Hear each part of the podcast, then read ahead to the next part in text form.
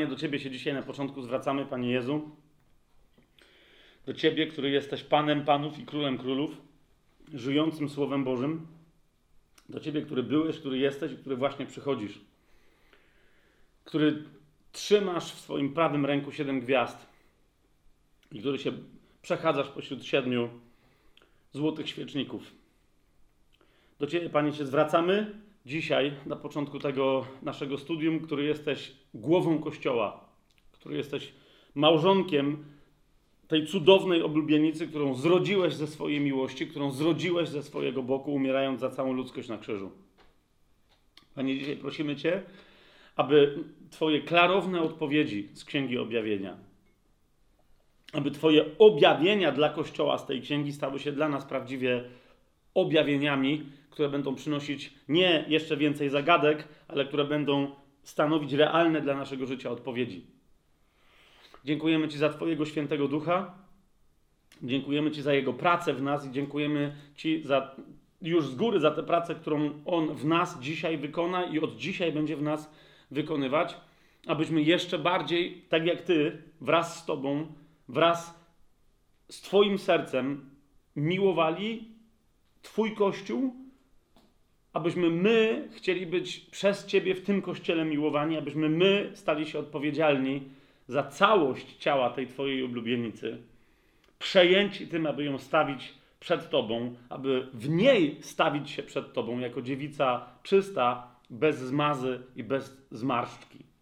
My wiemy, Panie, że to jest Twoje dzieło, aby tak zatroszczyć się o Twój Kościół, ale też my wiemy, że Ty nas zapraszasz, aby z Tobą współpracować w takiej trosce o Twój Kościół.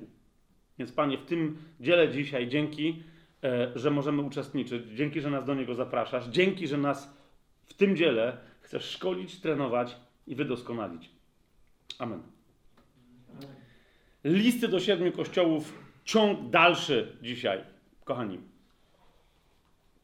Żebyśmy już zupełnie dogłębnie i do końca pojęli znaczenie pierwszych trzech rozdziałów Księgi Objawienia, dzięki którym dopiero można stać się człowiekiem, który może zrozumieć całą resztę Księgi Objawienia, potrzebujemy sobie jeszcze odpowiedzieć na jedno pytanie, e, które jak zadam, to za chwilę wam powiem, że sobie w ogóle nie potrzebujemy na nie odpowiadać, dlatego że jest głupie, ale najpierw je zadam, ponieważ już wielokrotnie je zadałem. Mianowicie potrzebujemy sobie odpowiedzieć na pytanie, kim są aniołowie Kościołów.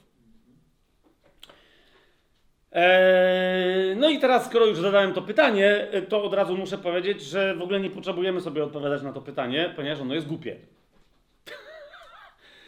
I muszę tak na początku zamieszać, żeby, wiecie, po, po, dla niektórych to będzie po, po, po paru dniach, po paru tygodniach, po paru miesiącach, dla innych po wielu latach, dla innych po studiowaniu wielu set lat teologii chrześcijańskiej będzie bardzo istotnym wstrząsem i potrzebujemy go, żeby jeszcze raz się skoncentrować, zwrócić swoją uwagę na właściwe pytanie. Okay? Jak stawiamy niewłaściwe pytania, to nie ma się co dziwić, że otrzymujemy dziwaczne odpowiedzi. To pytanie jest głupie. I nie ja tak twierdzę, tylko przekonał mnie do tego, że to pytanie jest głupie, mnie osobiście Watchman, ni e, on też wielu innych przekonał, ale jego też ktoś przekonał. Jest cały nurt egzegezy biblijnej, która mówi, to jest głupie pytanie. Dlaczego? I teraz jak wam udzielę odpowiedzi na pytanie, dlaczego to jest głupie pytanie, e, to sami zobaczycie, że ej, rzeczywiście to jest głupie pytanie. Z drugiej strony to nie jest głupie pytanie, kiedy już wiesz, co w tym pytaniu jest głupie i wtedy je zadamy w taki sposób, żeby było mądre. Ok? Teraz, dlaczego to jest głupie pytanie? Kochani, ponieważ głupie pytanie e, e, e, w, w, tym wypadku polega, głupota tego pytania polega na tym, że, że się cofamy poznawczo, tak? a nie idziemy wraz z objawieniem. Księga objawienia jest księgą objawienia, tak? E, I teraz kiedy ją czytamy w pierwszym rozdziale, zobaczcie 12 i 13 werset ze mną, to, to my, się nie my się nie dowiadujemy niczego, że istnieją jacyś aniołowie jakichś kościołów. Ani nie dowiadujemy się niczego o jakichś uniwersalnych siedmiu kościołach. Tak? Dowiadujemy się czegoś na temat siedmiu kościołów Azji. Ale w 12 i 13 wersecie czytamy: Odwróciłem się, aby zobaczyć, co to za głos mówił do mnie A gdy się odwróciłem, zobaczyłem siedem złotych świeczników, a pośród tych siedmiu świeczników kogoś podobnego do Syna Człowieczego. Tak? A więc widzimy pewną rzeczywistość duchową siedmiu złotych świeczników. Zgadza się? I teraz ten, który się przechadza pośród siedmiu złotych świeczników, to jest jednocześnie ten, który, szesnasty werset, zobaczcie razem ze mną, w swojej prawej ręce ma siedem gwiazd. Zgadza się? Jeżeli gdzieś jest tajemnica i jeżeli gdzieś jest pytanie, które można byłoby zadać, to pytanie powinno brzmieć, co to jest siedem świeczników, co, to, co one oznaczają, czy czym są owe świeczniki i kim albo czym są gwiazdy w ręku Pana. Zgadza się? I teraz, kochani, zwróćcie uwagę, Jezus udziela odpowiedzi na te pytania. To jest dwudziesty werset. Tajemnica siedmiu gwiazd, które widziałeś w mojej prawej ręce, i siedmiu złotych świeczników jest taka. Siedem gwiazd to aniołowie siedmiu kościołów, a siedem świeczników, które widziałeś, to siedem kościołów. Teraz zwróćcie uwagę, czy kiedy Jezus mówi o świecznikach, dostajemy odpowiedź wyjaśniającą, czy nie? Dostajemy. Zobaczcie, nikt nie ma pytania, ale co to są kościoły? Kościoły to są kościoły, to każdy wie, co to jest kościół, tak? Więc co to są złote świeczniki? Odpowiedź Pana Jezusa brzmi: złote świeczniki to są kościoły. Ok? A zatem odpowiedź Jezusa w tej części na tajemnicę złotych świeczników jest tu kompletnie wyjaśniona. Czy to się zgadza? Więc Watchman i wielu innych egzegetów, od których on się uczył, ale też wielu innych, którzy od tamtych się uczyli albo od niego, oni mówią: skoro więc tak, to również Jezus udzielił klarownej, oczywistej, pełnoprawnej odpowiedzi, nie zagadkowej, tylko przejrzystej, a więc jaka jest tajemnica siedmiu gwiazd? To są posłańcy siedmiu kościołów. Pytanie, kim są ci posłańcy, rozumiecie, ale on udzielił takiej odpowiedzi, aniołowie siedmiu kościołów, nie żeby zadać ci nową zagadkę, tylko to jest dokładnie jego odpowiedź. Czy rozumiecie? To jest nie.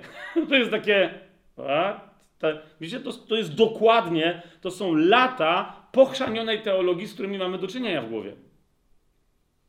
Bo, bo nadal jest pytanie, no ale kim są ci posłańcy? Widzisz, w momencie, kiedy my mamy lata wieki nawet teologii, która w kółko wszędzie widzi symbole symboli przesymbolone, znaczące znacząco lub nieznacząco, zalegoryzowane tak. Tak to jest cały czas Jezus udziela klarownych odpowiedzi, a my... Ee... Więc, jeszcze raz, i, i, i zauważcie, robimy sobie zagadki tam, gdzie ich nie ma, a tam, gdzie może powinny być, to ich w ogóle nawet nie widzimy. Rozumiecie, Jezus mówi, są dwie tajemnice: tajemnica siedmiu świeczników, tajemnica siedmiu gwiazd. Ale ja wam ją wyjaśniam. Siedem świeczników to jest siedem kościołów. I zauważcie, tu by można było mieć więcej pytań. My na nie sobie z czasem odpowiedzieliśmy w ciągu tego sezonu, że siedem świeczników, siedem kościołów oznacza cały kościół wszechwieków, tak, który jest na ziemi. Ale zauważcie, masa ludzi się nawet nie pyta o to. Nie, ale jakich siedem świec, jakich kościołów, które one są w niebie, na ziemi, gdzie, to się w ogóle nie ma pytań, nie? Ale trwa dyskusja, kim są aniołowie kościołów. Dlaczego? Dlaczego w momencie, kiedy Jezus powiedział, siedem gwiazd mojej prawej ręce, to są posłańcy kościołów. Znaczy, to są aniołowie kościołów, ale chodzi dokładnie o wyraz posłańcy. Dlaczego? Ponieważ po drodze ludzie tak masakrowali, ok?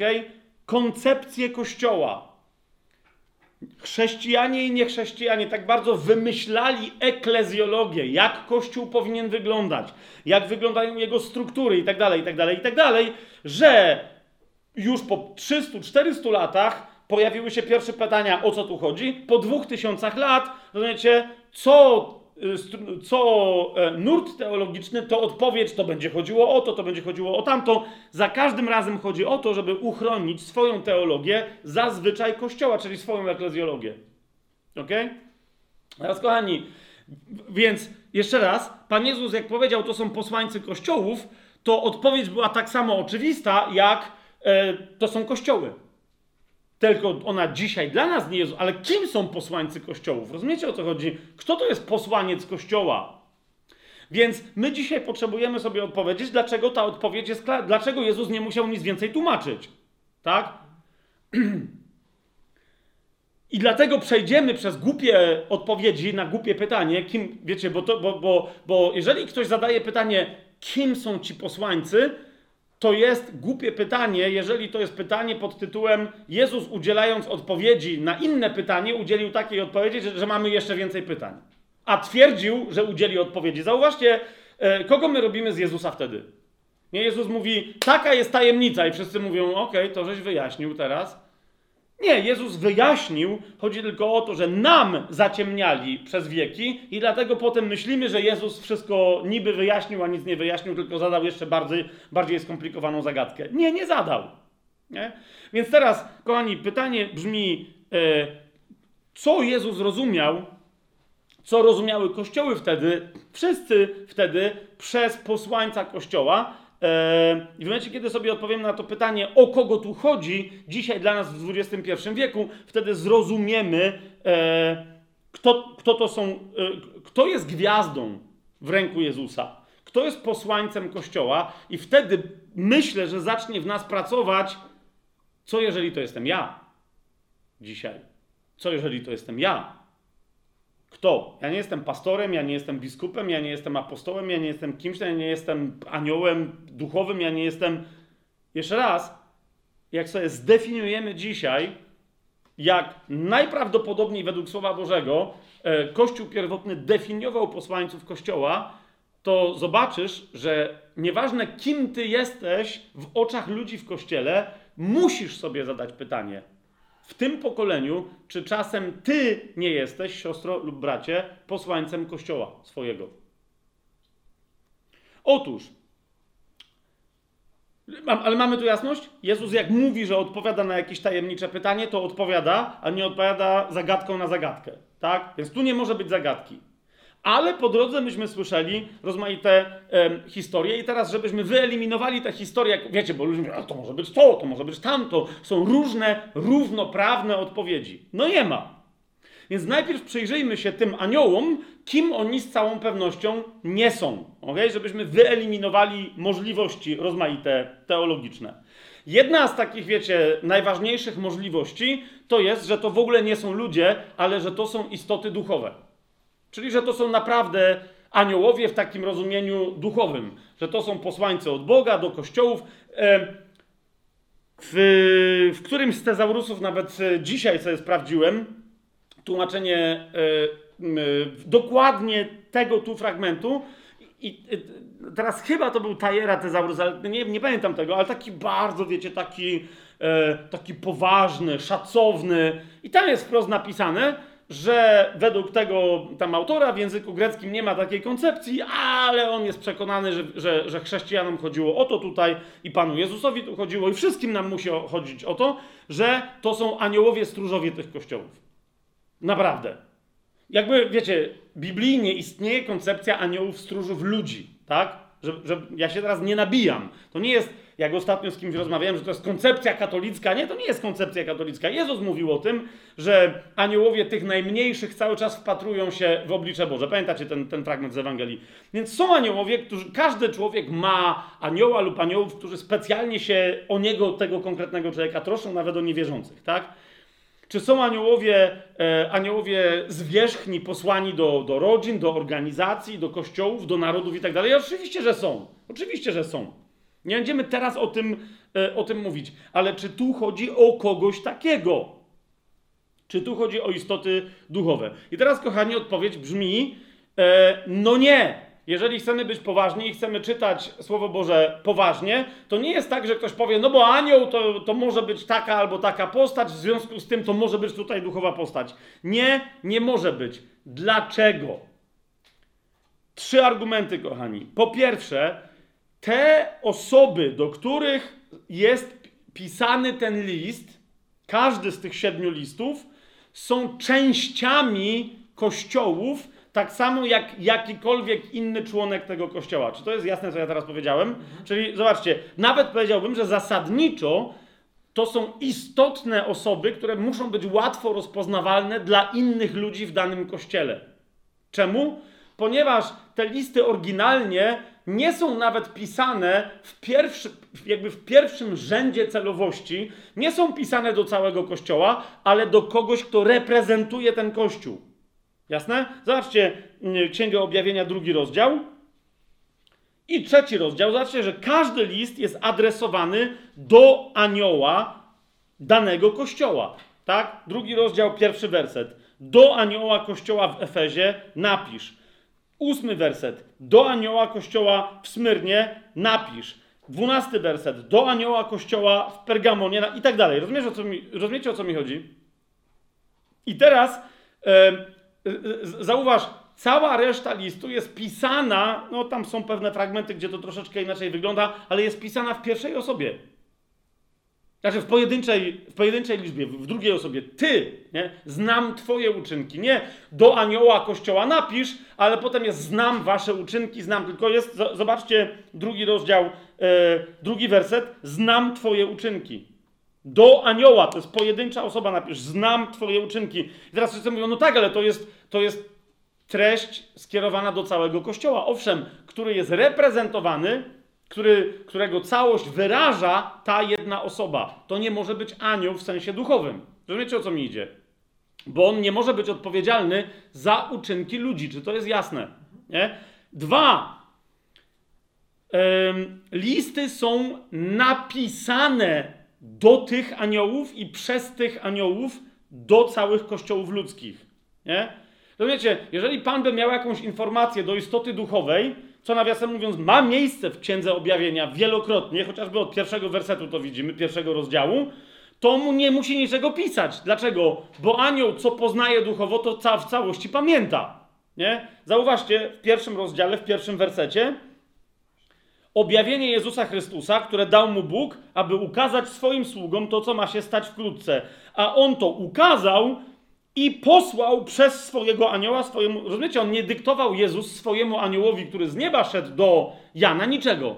Widzicie to? Nie, nie napisał mu, nie podyktował, on tego nie napisał Janowi, on miał objawiać pewne rzeczy Janowi. Jasne? Natomiast zauważcie, że do aniołów kościołów mają być rzeczy fizycznie napisane, co Jan widział. Zobaczcie drugi rozdział jeszcze raz. Pierwszy werset. Do anioła kościoła w Efezie napisz. Tak? Ósmy werset, do anioła kościoła w Smyrnie napisz. I do każdego z kościołów to się będzie powtarzać, do anioła kościoła takiego czy innego, co zrób, napisz. Dlaczego? Bo ten anioł to ma odczytać, podobnie jak cały, cała reszta kościoła ma to odczytać, dokładnie tak jak ten anioł. Rozumiecie? Do aniołów się nie pisze listów. Nie? Do tych aniołów, do aniołów w sensie duchowych istot się nie pisze listów. Do tych aniołów do, e, ewidentnie listy mają być napisane. Jest to jasne? I trzecia rzecz, która jest już argumentem zupełnie e, e, rozwalającym całą tą koncepcję.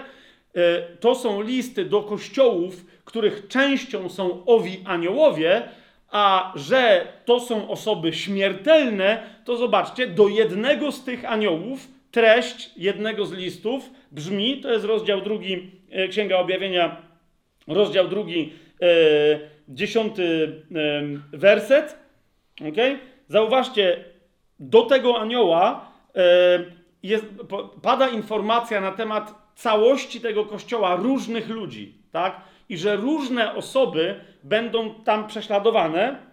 E, oto diabeł, to jest drugie, drugie zdanie tego wersetu. Oto diabeł wtrąci niektórych z was do więzienia, abyście byli doświadczeni i będziecie znosić ucisk przez 10 dni. Ale zwróćcie uwagę, ty w liczbie pojedynczej Cały ten werset się zaczyna. Nic się nie bój tego, co masz cierpieć. I ostatnie zdanie: bądź wierny aż do śmierci, a dam ci koronę życia. Czy to jest jasne? To jest zwrot bezpośrednio do anioła tego kościoła. Bądź wierny aż do śmierci, a dam ci koronę życia. Tutaj wielu egzegetów mówi, yy, to jest jasne, tak? Przynajmniej, jeżeli by ktoś jeszcze miał wątpliwości co do innych aniołów, ten anioł tego kościoła to jest człowiek, a nie istota duchowa, bo musi umrzeć, tak? I ma e, zachować wierność aż do śmierci. Ale nie tylko per analogię, bo jak mówię, nie, mamy również te dwa inne argumenty, to nie mogą być istoty duchowe.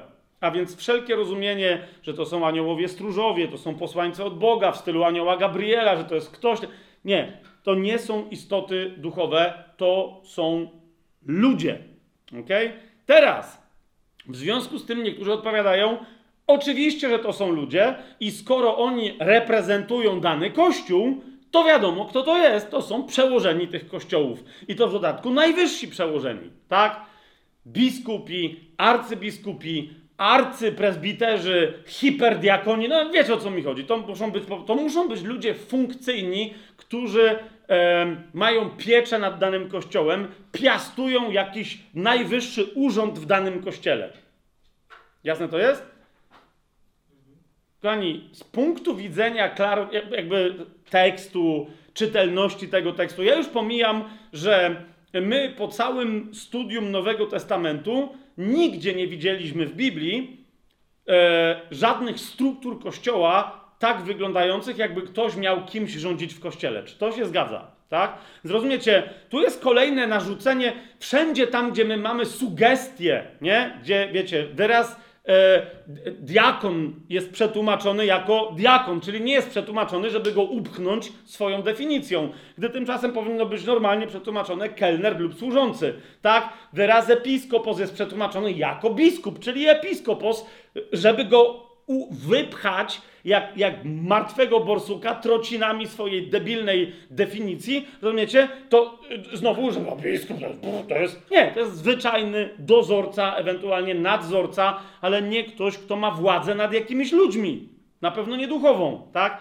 We wszystkich tych miejscach, gdzie jest mowa, jak pamiętacie, o przełożonych, o kimś tam, tam nie ma mowy o ludziach, którzy mieliby prawo dyrygowania życiem innych ludzi w kościele. Kropka.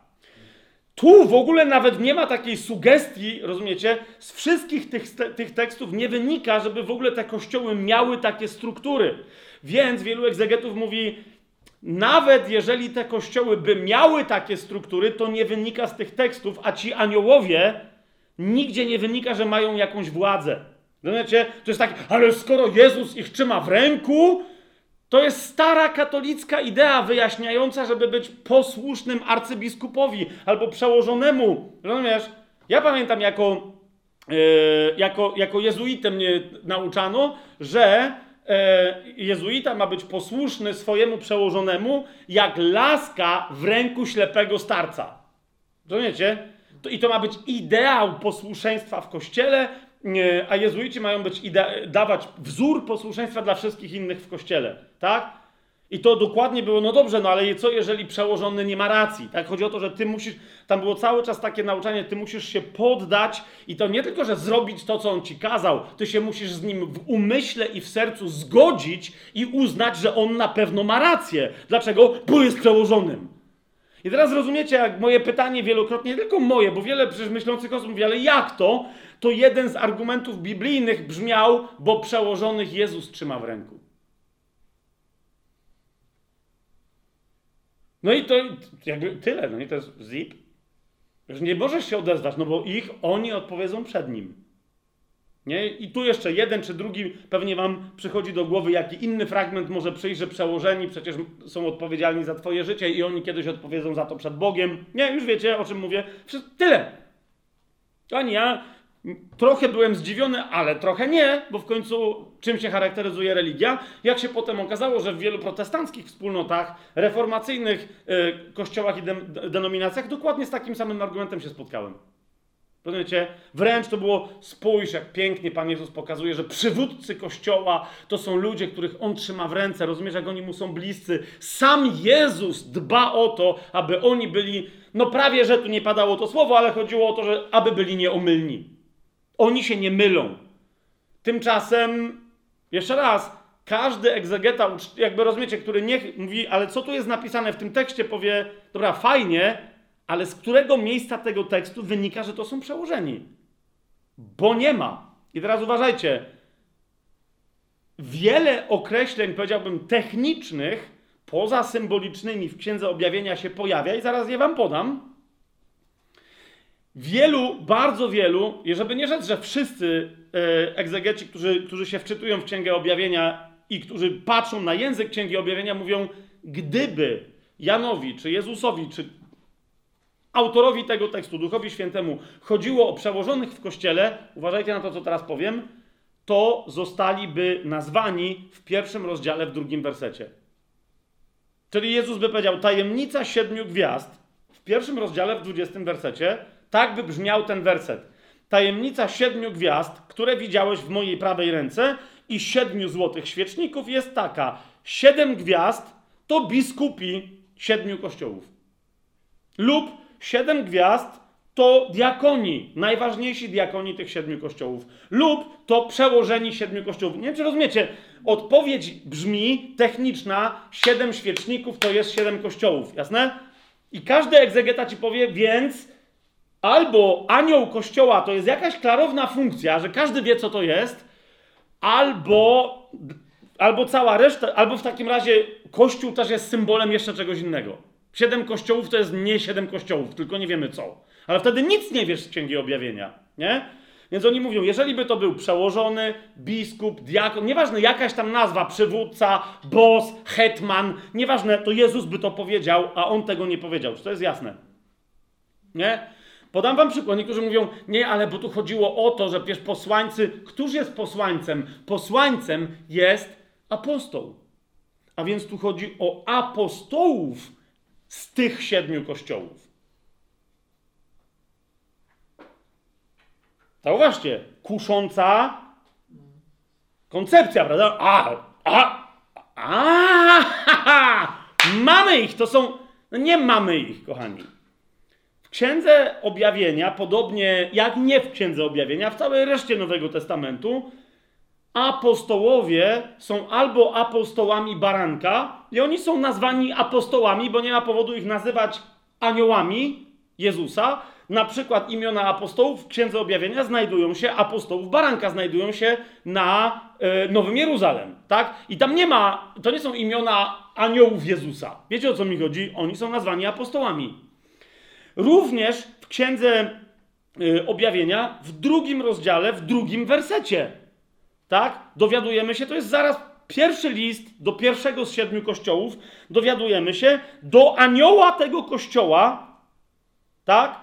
Pisze Jezus: Znam Twoje uczynki, Twoją pracę i Twoją cierpliwość. I wiem, że nie możesz znieść złych, uważajcie na to, i że poddałeś próbie tych, którzy nazywają się apostołami, a nimi nie są, i stwierdziłeś, że są kłamcami.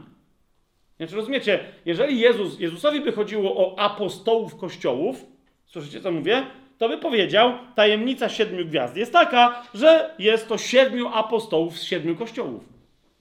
Ale tak nie powiedział.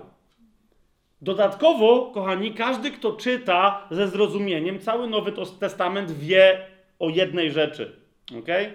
Apostołowie, wszyscy poza pierwszą dwunastką, poza tą grupą, która się nazywała dwunastoma, tak? W Ewangelii Marka, zwłaszcza, ale też w innych widzimy, że cała ta grupa jest nazywana dwunastoma do tego stopnia, że jak jeden z nich zdradził, pamiętacie dzieje apostolskie, to musieli uzupełnić dwunastkę, bo by nie byli dwunastką, bo byli nagle jedenastką, tak? Jezus ustanowił dwunastkę, musiało być dwunastu. Czy to jest jasne, tak? Ale wszyscy następni apostołowie, kochani, są apostołami, których, uważajcie, teraz powiem coś, co może z poprzednich moich wypowiedzi nie do końca było jasne, ale to jest idealny moment, żeby jeszcze to, ten drobiażdżek rozjaśnić. Otóż Następni apostołowie są apostołami Ducha Świętego, których Duch Święty podnosi, powołuje do tego, aby byli apostołami, który Duch, których Duch Święty wysyła, aby oni byli apostołami. Zgadza się? Ale uważajcie, oni są nazywani ze względu na sposób ich powołania apostołami kościołów i są nazywani apostołami kościołów, a nie posłańcami, aniołami, kimkolwiek, tylko są nazywani apostołami. Bo jaka jest różnica między apostołem a angelosem w języku greckim? Taka sama jak w języku polskim między posłem a posłańcem.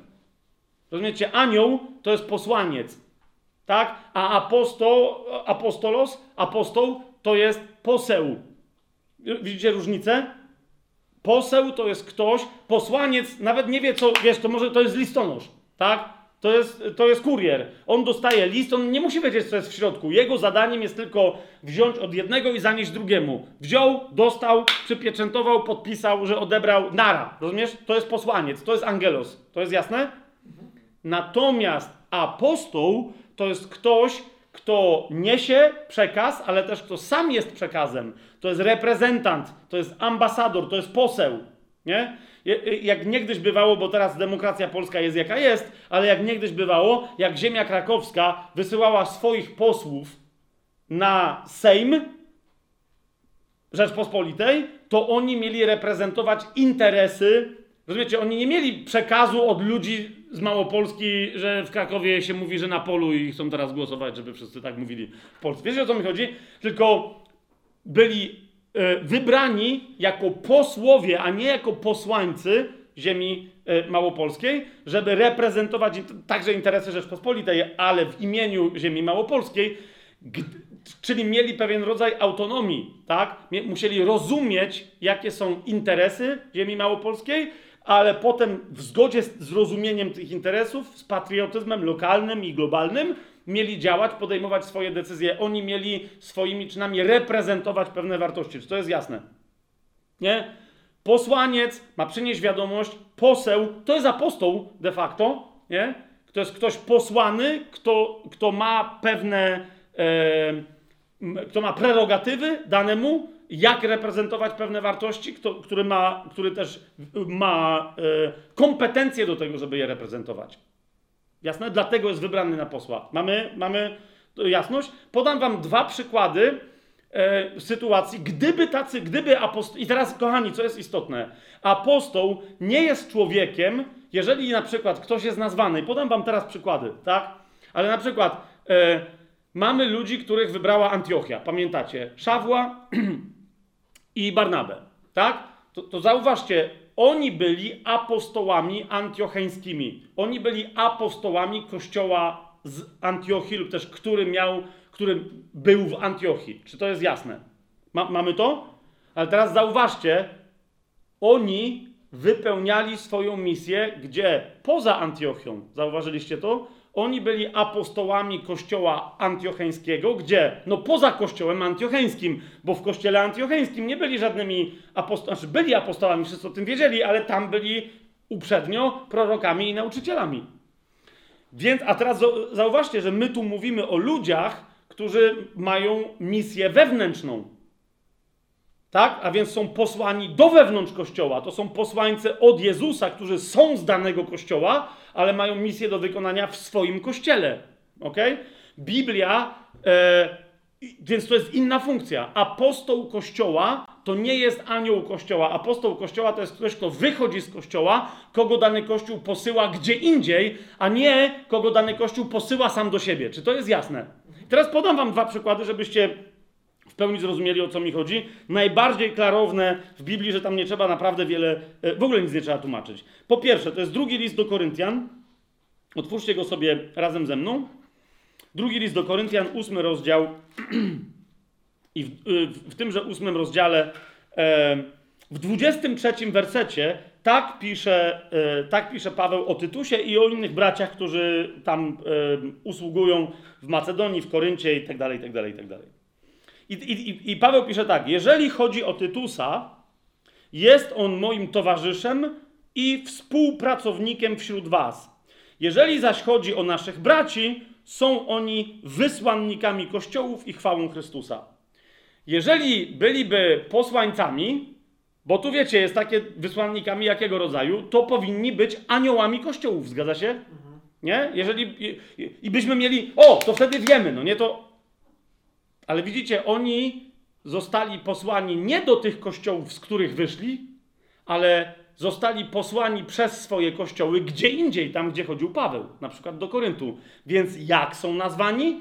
Oczywiście, ze względu na to, że tłumaczom przeszkadza ta eklezjologia, to nie, e, nie mogą się połapać, bo uważają apostołów za jakichś, wiecie, biskupów w kościele, ale prawda jest taka, że to są wysłannicy Ducha Świętego, których, za których wysłanie odpowiada konkretny kościół. A zatem, kto tu jest tym wysłannikiem kościołów? Co, co, jak, jak brzmi właściwy wyraz? Apostołowie. Widzicie to?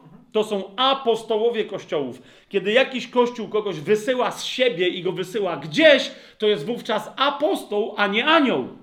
Rozumiecie? Który przychodzi do tego kościoła. Jasne? Wyszedł z tego kościoła, ale działa w imieniu tego kościoła gdzie indziej w kościele globalnym, to jest wtedy apostoł tego kościoła. Jasne?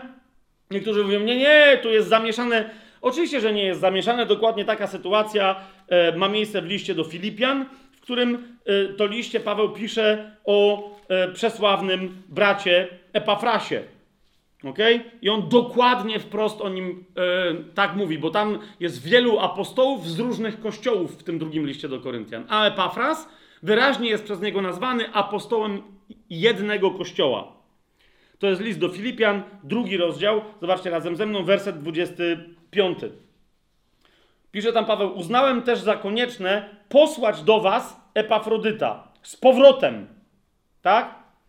Mojego brata, współpracownika i współbojownika, a waszego apostoła i sługę w moich potrzebach.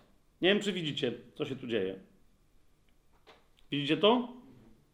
Kościół w Filipi wysłał Epafrasa jako swojego apostoła współpracującego z Pawłem, który miał usługiwać Pawłowi i pomagać w całym jego dziele apostolskim. Czy widzicie to? I on go nazywa ich apostołem, a nie ich aniołem. Czy to jest jasne? Mimo, że, zobaczcie, tu mamy znowu przetłumaczone wysłannika, posłańca. Tymczasem w oryginale mamy apostoła. Ok? Kiedy Kościół wysyła z siebie pod mocą Ducha Świętego, pod rozpoznaniem w Duchu Świętym jakiegoś człowieka na zewnątrz, żeby wykonał misję, ten ktoś jest apostołem. Wychodzi z tego kościoła i wypełnia swoją misję gdzie indziej. Ich apostoła, następnie Paweł im go odsyła, ale zauważcie, nadal nie nazywa go aniołem. Dlaczego? I teraz musimy się bliżej przyjrzeć wreszcie, kim są owi aniołowie kościołów. Kto to jest anioł kościoła? Okay? Pierwsze, kochani, no zwróćmy uwagę na to, że jeżeli Jezus mówi, że siedem gwiazd w jego prawej ręce, tak, to są aniołowie kościołów, to już wiemy, że to są ludzie, co do których Jezus mówi, ja ich trzymam w prawej ręce. Okay? Pamiętajcie, że mimo, że y, y, Księga Objawienia cała jest napisana w języku greckim, posługuje się terminologią, e, słownictwem e, i rozumieniem słów zasadniczo hebrajskim, zasadniczo starotestamentowym. Cała Księga Objawienia jest skonstruowana z wyrazów, określeń, koncepcji, idei, a wręcz dosłownie cytatów ze Starego Testamentu. Tak? W związku z tym masę znajdziemy w Księdze Objawienia hebraizmów, w sensie wyrazów, yy, ale w sensie idei, wszystko w Księdze Objawienia hebraizuje. Tak? Więc kiedy Jezus mówi, że aniołowie kościołów, po pierwsze, to są ludzie, którzy znajdują się w jego ręce, to co to oznacza? Kto się znajduje w ręce Jezusa? Zwłaszcza, że Jezus mówi wyraźnie, że to jest jego prawa ręka, a nie jego lewa ręka. Zauważyliście? To jest jego prawa ręka. Tak? Ręka, którą się coś robi. Ręka, yy, która jako ręka Boga w Starym Testamencie, a Jezus tu się objawia w swojej boskiej chwale w pierwszym rozdziale, mówi, to jest prawica pańska. Rozumiecie? Prawica pańska moc okazała. Zasadniczo cały Stary Testament to jest to. Prawica pańska coś robi i jeżeli coś robi, to zasadniczo dla ludzi to nie jest zbyt przyjemne. Nie? Przynajmniej na pierwsze takie, jak sobie teraz przypominacie, jak Pan wyciąga prawą rękę, jak Pan wyciąga swoją prawicę nad czymś albo nad kimś w Starym Testamencie, to wszyscy się modlą, żeby ją cofnął. Tak? Bo zasadniczo ją wyciąga w obronie Izraela, albo żeby Izraela troszeczkę skarcić prawą ręką. Nie? Czy w Starym Testamencie Bóg robi coś prawą ręką z ludźmi takiego, żeby to było owszem? Bóg, kiedy wyciąga rękę e, i ma objawić moc, to ta ręka spada w ten sposób, ok? Na, e, na ziemię. Ale kiedy wyciąga tę rękę do człowieka, to jest zupełnie inna historia. Już w Starym Przymierzu, za każdym razem, kiedy Stare Przymierze, taką tezę stawiam, sprawdźcie to sobie potem sami, kiedy Stare Przymierze mówi o tym, że tą potężną ręką, Bóg sięga po człowieka, to za każdym razem jest proroctwo na temat prawej ręki Jezusa, na temat e, uczynienia łaski i miłosierdzia człowiekowi. Ok? Otwórzcie sobie razem ze mną. Więc pierwsza rzecz, ustalimy, jakie, e, jakimi cechami muszą się charakteryzować ludzie, którzy są w prawej ręce, e, którzy są w prawej ręce Jezusa. Otwórzcie sobie razem ze mną.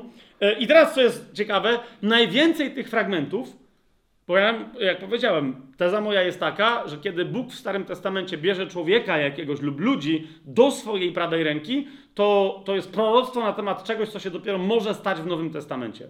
Nie?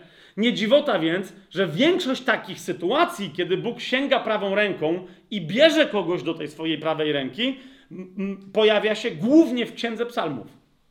Nie? Czyli jednej z najbardziej nowotestamentowych ksiąg Starego Testamentu, że się tak wyrażę, ale oczywiście na sposób proroczy.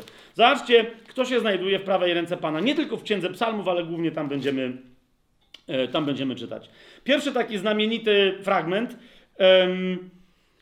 W UBG on nie jest aż taki znamienity, e, ale jak znajdziecie inne tłumaczenia, e, to one może będą lepsze. E, ja to sobie sprawdziłem w, w, rozmaitych e, i wiem, co tu jest napisane dzięki temu. E, w Psalmie 17, w siódmym wersecie czytamy wezwanie do Pana, to jest oczywiście wezwanie Dawidowe. On tam mówi wprost, wzywam, wzywam Cię Boże, bo mnie wysłuchasz w szóstym wersecie, ale w siódmym wersecie powiada, okaż swoje miłosierdzie, Ty, który wybawiasz ufających Tobie od tych, którzy powstają przeciwko Twojej prawicy. Widzicie, że tłumaczenie jest jakieś, co to ma wspólnego z ludźmi. E, otóż, kochani, w języku hebrajskim, i jak widziałem masę, wiecie, porównań i tak dalej, wszyscy mówią, że no to tłumaczenie jest nie najlepsze. Ponieważ ono mówi, wybaw e, swoją prawą ręką tych, którzy nastają na Twoją prawą rękę. Rozumiecie o co chodzi? Tu, tu, jest, tu jest taka myśl, nie? A więc prawą ręką weź do prawej ręki tych, których bronisz, a ci, którzy chcą tym ludziom, których trzymasz w prawej ręce, albo którzy chcą coś zrobić im, albo twojej prawej ręce, to im pokaż zewnętrzną stronę tej ręki. Więc rozumiecie, jest zewnętrzna strona prawicy pańskiej i jest wewnętrzna strona. Ma, ma to sens, yy, ma to sens yy, co mówię? Pamiętacie, jak Jezus mówi o tym, że, że On trzyma kogoś w swojej ręce i Ojciec też trzyma i nie wypuszczą? Tak, w, w, w Ewangelii Jana, tam nie do końca jest sugestia prawej ręki, ale jak, jak czytamy Stary Testament, to jest jasne, którą ręką Pan to robi. Prawica pańska, jak moc okazuje, to zawsze w odwecie wrogom yy, ludu Bożego i tak dalej, w odwecie wali, rozumiecie, tak wierzchem dłoni, tak? Wnętrze jest, jest, jest, reprezentuje łaskę i miłosierdzie. To jest bardzo interesujące. Prawicy pańskiej, okej? Okay?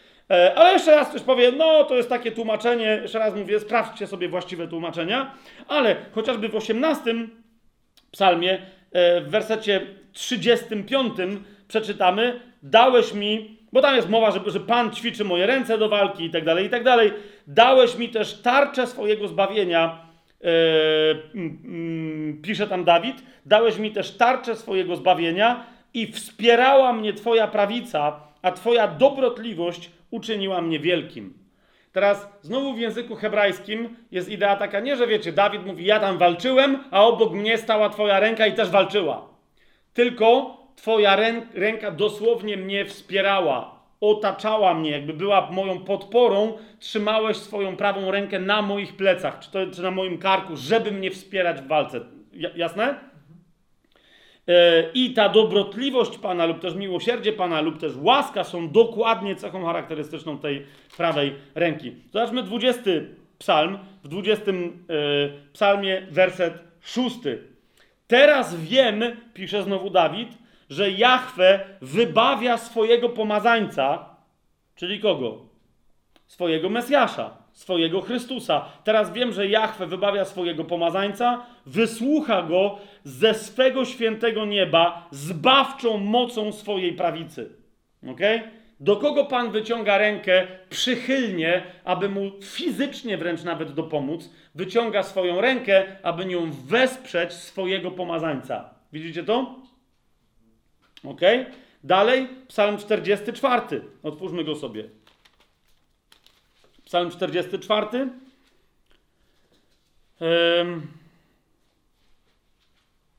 Od pierwszego wersetu czytamy: Boże, słyszeliśmy na własne uszy, nasi ojcowie opowiadali nam o tym, czego dokonałeś za ich dni w czasach dawnych.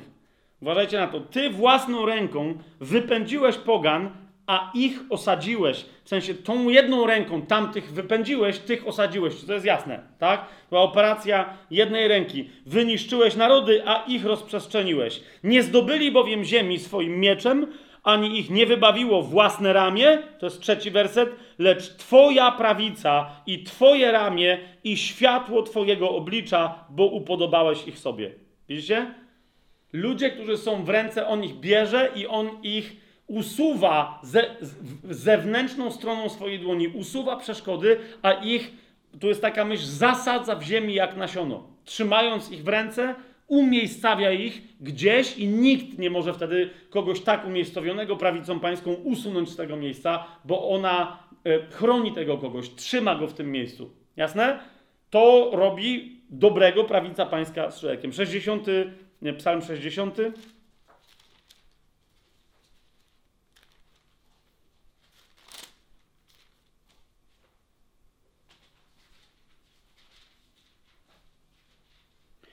w psalmie 60, werset 4 i 5.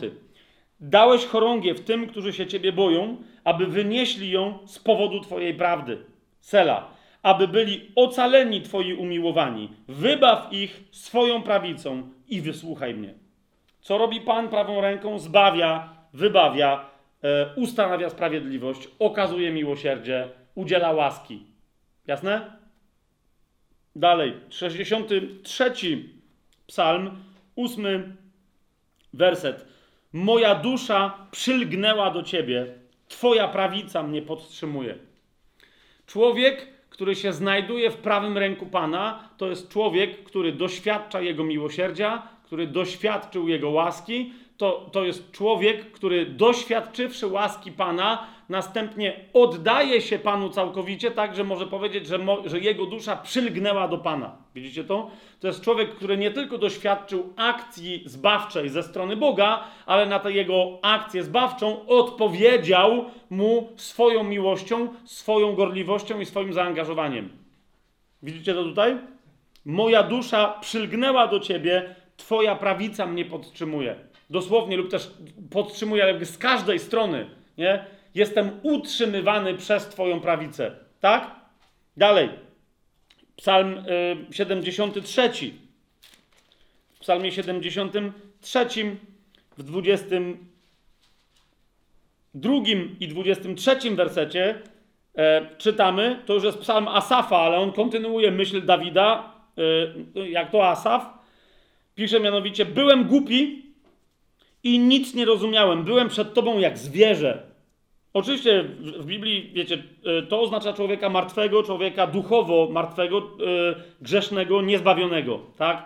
Niesprawiedliwego. I teraz zobaczcie, on mówi, byłem głupi, nic nie rozumiałem, byłem przed tobą jak zwierzę, a jednak teraz już zawsze jestem z tobą, bo mnie trzymałeś za prawą rękę, yy, ale w sensie ciekawe to jest, bo tu jest też mowa o tym, że mnie trzymałeś prawą ręką za prawą rękę. Taka jest idea hebrajska tutaj, nie?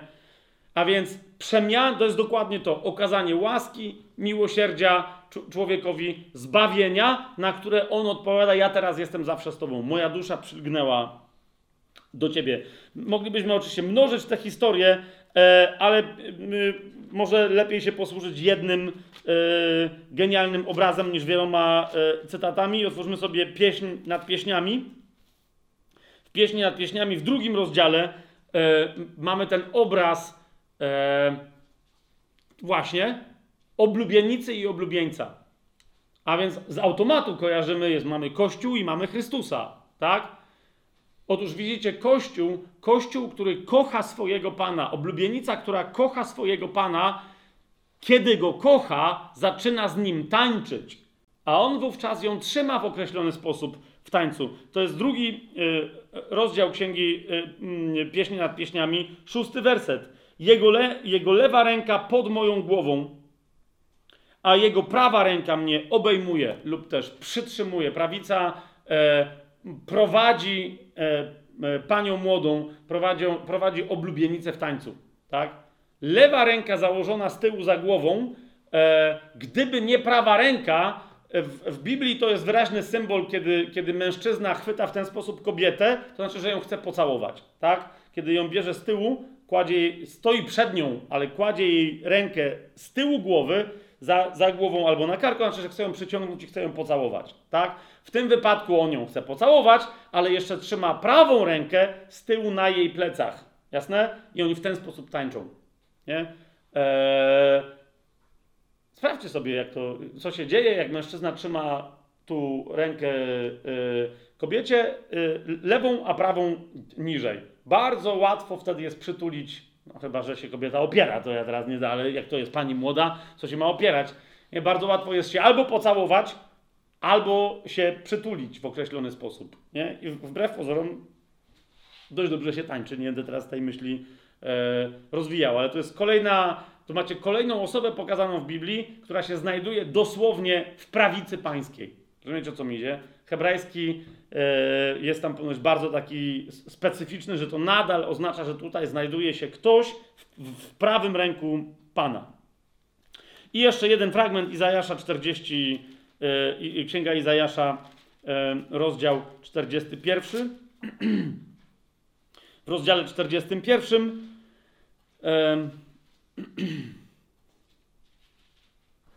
Pan mówi E, Pan mówi o pochwyceniu kogoś, kto, kto, e, kogo uratował, a ten mu odpowiada swoją miłością, w związku z tym staje się jego sługą.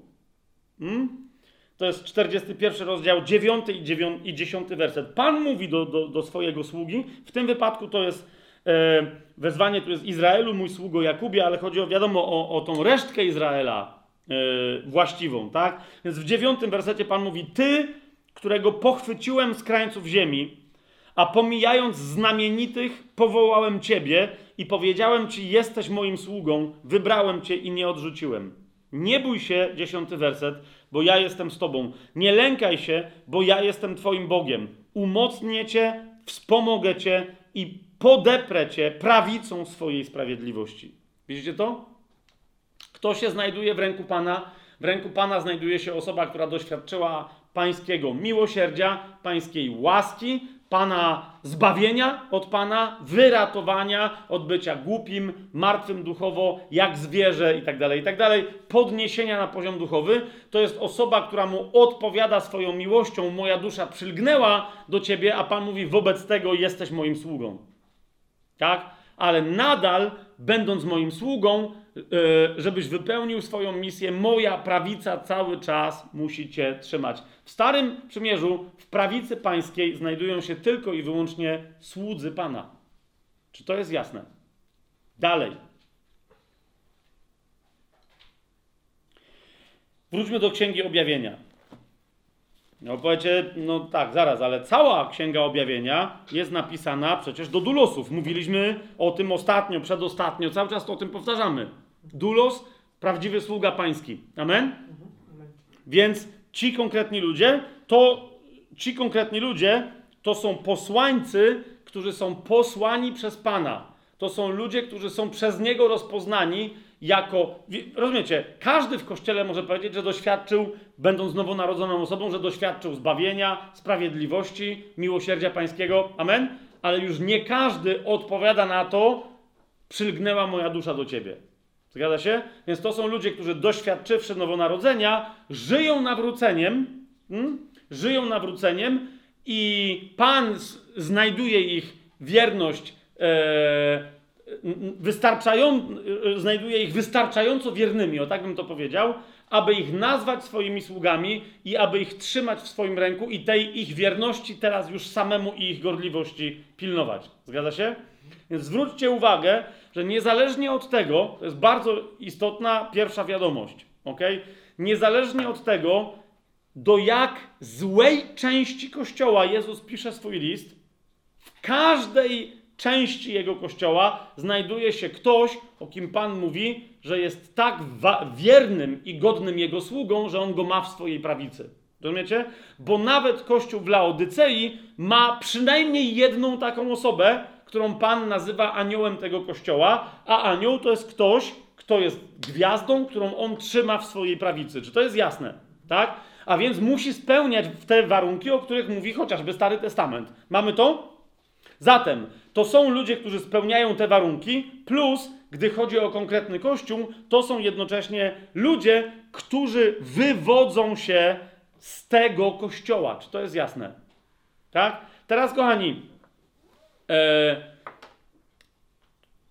kogo w Starym Testamencie, przejdźmy już do, kiedy już wiemy, kogo Pan trzyma w swoim ręku, kogo w Starym Testamencie Słowo Boże nazywa aniołem danej społeczności. To jest dla nas bardzo istotne. Bo yy, yy, nie będziemy teraz rozważać, wiecie, całego tu robić yy, religioznawczego, językoznawczego i tak dalej studium na temat tego, jak Biblia rozumie słowo anioł, czyli malak hebrajskie lub angelos greckie. Mówiliśmy chociażby, zdaje się, że przy okazji, dosyć szeroko przy okazji księgi Malachiasza. E, więc nie będziemy teraz tego rozwijać. Chcę Wam tylko powiedzieć, nawet tego nie liczyłem, ale wydaje mi się, e, że w kontekście na przykład takim, że jacyś ludzie posłali posłańców do jakichś innych ludzi, Stary Testament w takim kontekście posługuje się, nazywając tych posłańców aniołami, posługuje się chyba kilkaset razy, jak nie, jak nie więcej. Okay? Czyli nawet, yy, yy, yy, nawet o, o, królowie na przykład odstępczy, kiedy wysyłali zwyczajnych posłańców, Biblia mówi, nazywa ich malakami danego króla. Nie? Królowa Jezabel, jak wysłała jakichś tam zawodników w jedno i w drugie miejsce, z tego co pamiętam, chyba nawet więcej niż w dwóch miejscach, ale mogę się mylić. Chodzi mi o to, że na pewno raz ona też wysyła swoich aniołów. Tak? Jakich ona ma aniołów? Nie ma żadnych. Słowo malak w pierwszej kolejności w Biblii oznacza posłańca. To samo jest w Nowym Testamencie. Jak zobaczycie, na, na przykład Jan Chrzciciel wysyła angelosów, czyli aniołów, czyli zwyczajnych posłańców z zapytaniem do Jezusa i oni przynoszą co Jezusowi? Pytanie od Jana Chrzciciela, a on udziela odpowiedzi i oni, oni nie muszą rozumieć pytania, wiecie o co mi chodzi? Nie muszą też rozumieć odpowiedzi, oni potem tylko mają wrócić z odpowiedzią od Jezusa. Nie? Jezus, kiedy wysyła swoich uczniów, dwóch, żeby przyszli przed nim do miasteczka samarytańskiego, przygotowali tam coś przed jego przyjściem, ok? E, również zdaje się, że w Ewangelii Łukasza, e, Łukasz komentuje, że on wysłał przed sobą kogo? Posłańców, aby to wszystko zrobili. Aniołów, angel, oni są tam nazwani angeloj, ale jak wiecie o co mi chodzi, to nie są żadnymi aniołami. Po prostu ten wyraz, malak po hebrajsku, czy angelos w języku greckim w pierwszej kolejności oznacza kogoś, kto jest posłany do zrobienia czegoś, do przekazania wiadomości, do wykonania pewnej misji dla kogoś innego i chodzi o człowieka. Mamy jasność? Kiedy Bóg wysyła swojego posłańca, żeby przekazać ludziom jakąś informację, wówczas ten ktoś jest też nazwany aniołem Jahwe. Tak? I on przekazuje wtedy informacje. Zazwyczaj taka istota, czy ma informacje dla jakiejś większej grupy ludzi, ale zwłaszcza dla jednego człowieka, taka istota jest istotą duchową i dlatego przyjęliśmy, że anioł e, przychodzi od Boga i jest duchowym jakimś tam stworzeniem. Mamy to? Mówiliśmy sobie przy okazji Księgi Malachiasza kiedyś, jak powiedziałem, że jednocześnie Jahwe może też posłać człowieka. Zgadza się? Też tak mówiłem. I teraz, kochani, trzeba było czekać aż do Księgi Objawienia, żebyśmy sobie wyjaśnili jedną rzecz. Otóż, kiedy Jahwe posyła człowieka, żeby wykonał jakąś tam dla niego operację, to zazwyczaj taki człowiek nazywa się prorok, a nie anioł. I nie ma tak, że w Starym Testamencie wszyscy prorocy są nazywani aniołami Jahwe. Ok? Teraz sobie musimy to bardzo precyzyjnie zdefiniować. Z drugiej strony mamy kogoś, kto jest w Starym Testamencie ewidentnie nazwany aniołem Jahwe, a ewidentnie nie jest prorokiem. Natomiast wypełnia proroczą misję. Więc teraz, kochani, kogo w Starym Testamencie, jeżeli szukamy, e, jeżeli już wiemy, że to mają być ludzie, to mają być ludzie, którzy przylgnęli do Pana i tak dalej, i tak dalej, ale to mają być ludzie, to jakich ludzi Biblia nazywa aniołami posłanymi przez Jahwe? Okay? To jest pytanie, które musimy sobie zadać. Czy to są różni ludzie, czy to są ogólnie prorocy? Hmm, nawet jeszcze niedawno w zeszłym tygodniu rozmawiałem z moją żoną na ten temat, że ci ludzie, o których tutaj chodzi, to była moja taka ogólna odpowiedź, bo żona ma prawo, trochę mnie przycisnęła o tych, wiecie, aniołów, kościołów. I ja żonie powiedziałem, że to są prorocy. Ale to nie są prorocy. Znaczy, to są prorocy, ale nie. Raz sobie będziemy doprecyzowywać, ok? To są osoby prorocze w Starym Testamencie, które mają bardzo określoną misję i teraz potrzebujemy się jej przyjrzeć, bo kiedy ją zrozumiemy, kim był anioł wspólnoty w Starym Testamencie, człowiek, który jest nazwany aniołem wspólnoty, wówczas zrozumiemy, o kogo chodzi w Księdze Objawienia. Ok? Kochani, otwórzmy sobie najpierw Księgę Izajasza.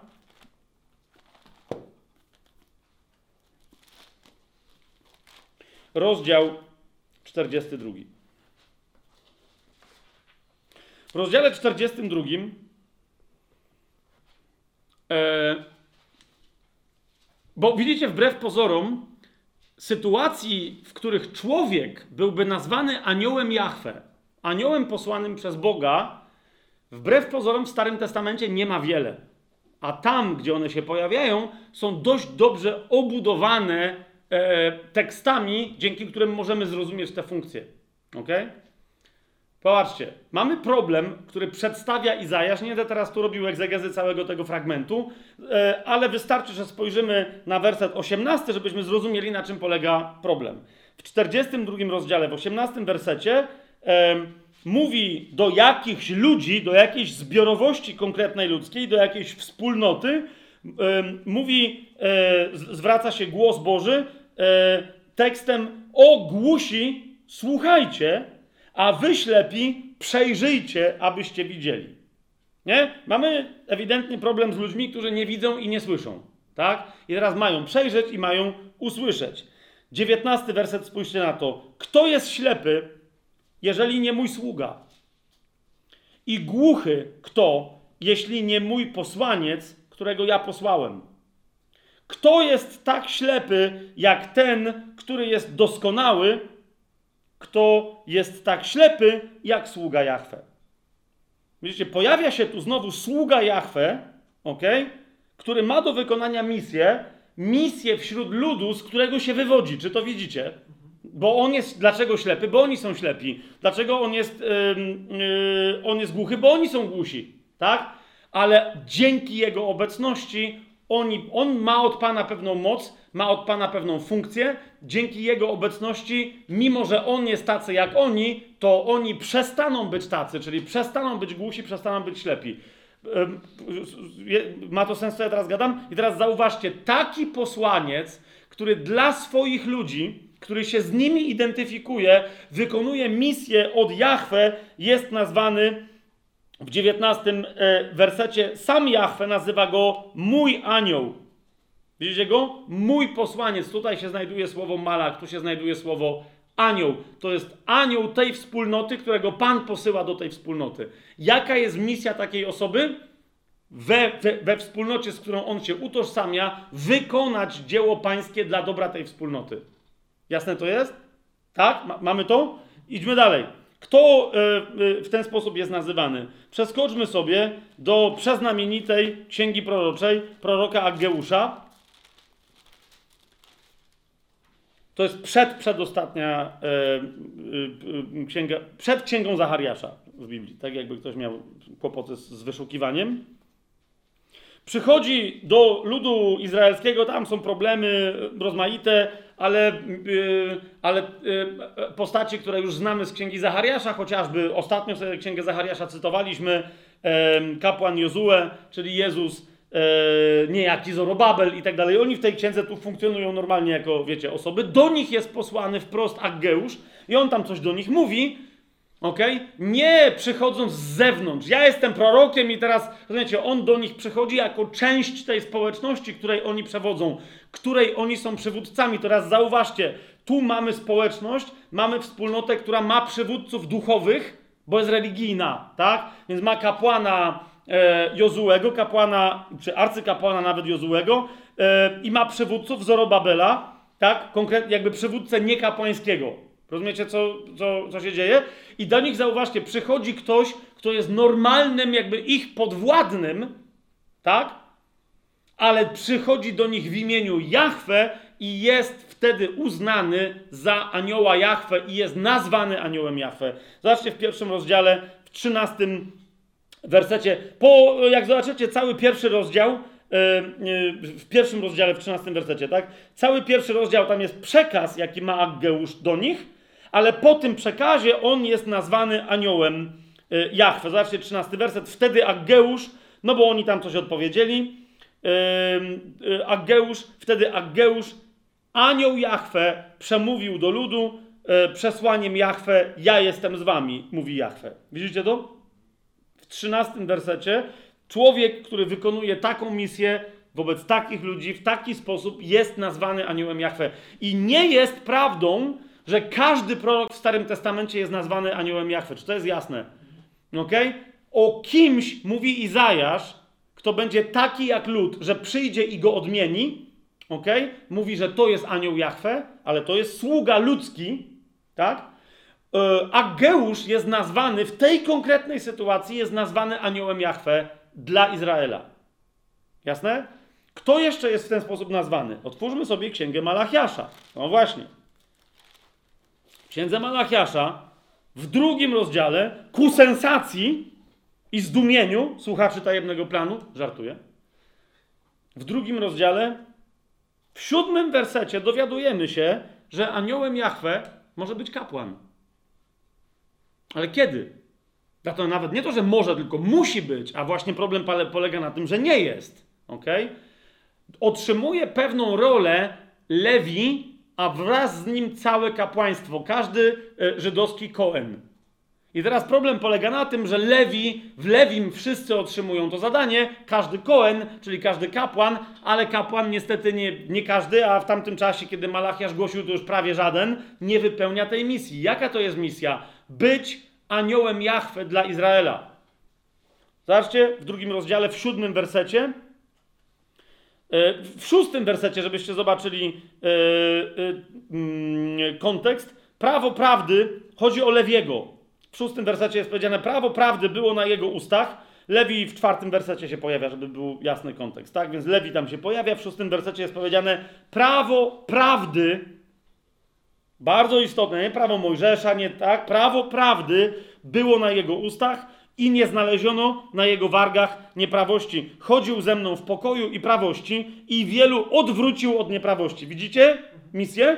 I teraz ta misja ma być kontynuowana przez każdego Koena e, judaistycznego. Siódmy werset mówi: Wargi kapłana bowiem mają strzec poznania i jego ustami mają pytać o prawo, gdyż on jest aniołem Jahwe zastępów. Widzicie to?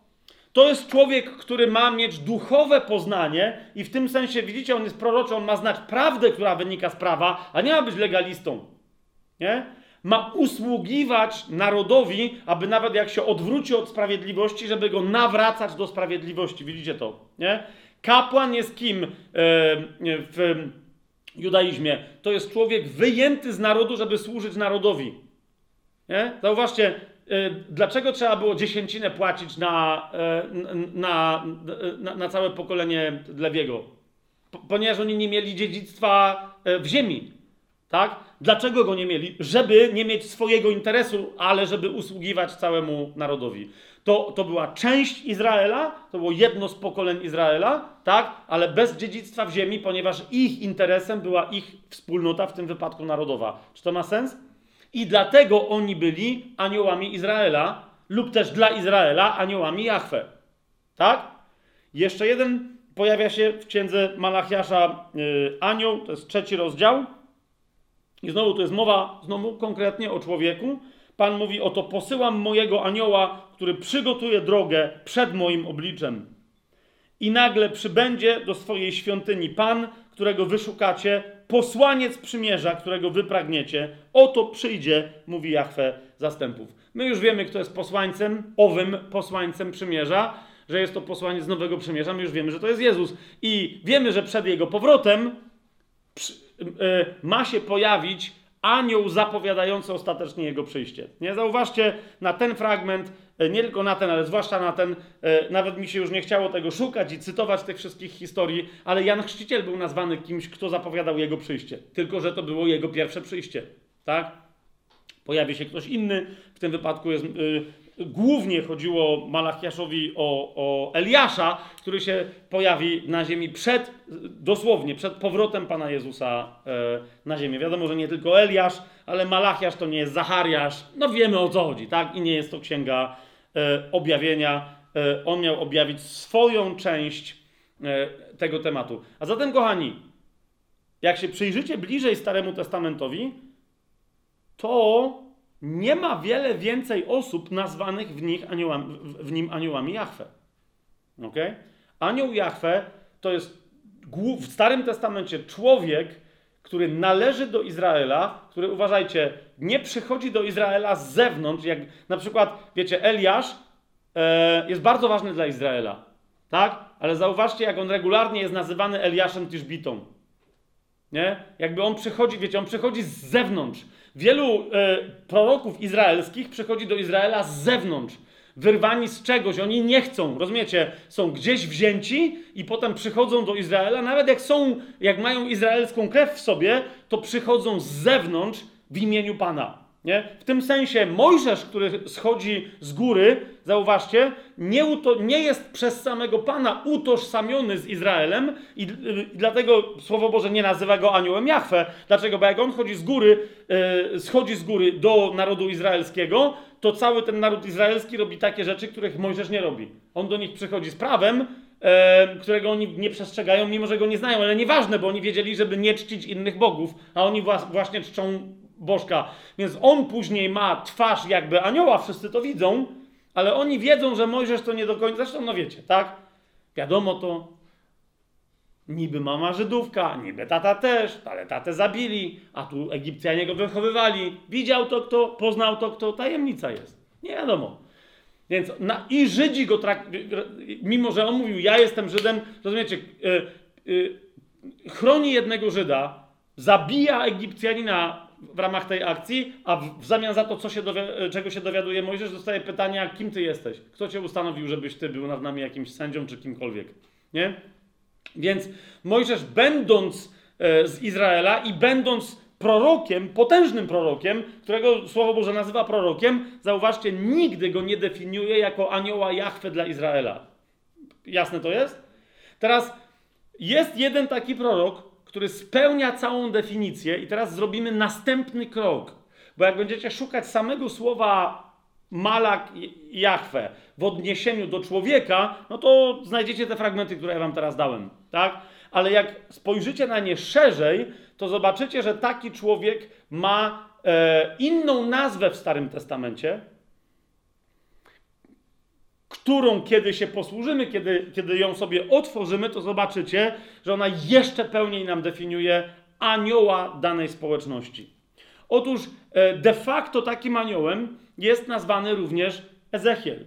Jak popatrzycie na te wszystkie na te fragmenty, w których mówimy, e, Ageusz jest nazwany sługa, ten konkretny sługa z 42 rozdziału Izajasza i tak dalej, jak zobaczycie na szeroką definicję, to następnie i następnie porównacie z tym fragmentem, który teraz porównam, jak mówię, to, jest, to byłoby długie studium, chcemy tu, wiecie, dojść do sedna, ale kto ma wiedzieć, ten wie, kto inteligentny, ten inteligentny, e, że strawestuje Księgę Objawienia, kto inteligentny w inteligencji wzrośnie, a kto głupi, ten jeszcze ogłupieje. Okej, okay. Wiecie, do czego piję? Chodzi mi o to, że jak sobie sprawdzicie opis tych ludzi, którzy są nazwani aniołami Jahwe dla Izraela, to dokładnie ten opis wypełnia Ezechiel, mimo że on nie jest nazwany stricte nigdzie aniołem dla Izraela. Tak? Ale to dlatego, żeby się pojawiła inna nazwa, inne yy, określenie. Otwórzmy sobie księgę Ezechiela. W księdze Ezechiela yy, otwórzmy sobie Trzeci rozdział, może na początek. I w trzecim rozdziale pada otóż to hasło, które e, w języku hebrajskim wyraża ideę e, e, anioła danej społeczności. Nie?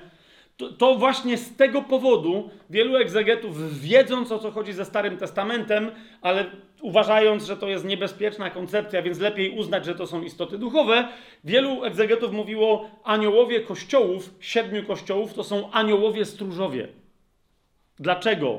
Ponieważ te osoby wypełniają definicję stróża ze Starego Testamentu, tyle tylko, że w Starym Testamencie stróżami są nazwani konkretni ludzie, konkretni, e, prorocy w konkretnej funkcji. Ok? Prorocy w konkretnej funkcji. A zatem to ma być prorok, który reprezentuje daną społeczność, który jest przez Pana zaproszony, aby stać się strażnikiem tej społeczności. Ona nie ma go wysłać na zewnątrz, rozumiecie? E, prorocy zresztą zawsze byli wędrowni i stąd w Nowym Testamencie są również wędrowni, tak? Natomiast prorok, który nie ma być wysłany na zewnątrz, ale który ma pozostać w środku społeczności, do której jest posłany przez Pana, jest nazywany prorokiem strażnikiem. ok? Lub też kimś, kto staje w wyłomie muru. Czy to jest jasne teraz? Tak? mamy to? Gdzie, teraz zobaczcie na to, yy, yy, jak, yy, jak taki człowiek wygląda. W księdze Ezechiela w trzecim roz, rozdziale, w 17 wersecie, e, do Ezechiela, widzicie, e, który ewidentnie z całej reszty opisu, jeszcze raz mówię, porównajcie sobie całą resztę e, fragmentów, które już przywołaliśmy, jest aniołem Jachwy dla Izraela w tym momencie. Tak? Zwłaszcza, że wiecie, jaka tu jest sytuacja, i on mógłby przychodzić z zewnątrz i tak dalej. Pan mówi, nie, masz wejść do środka. Tak?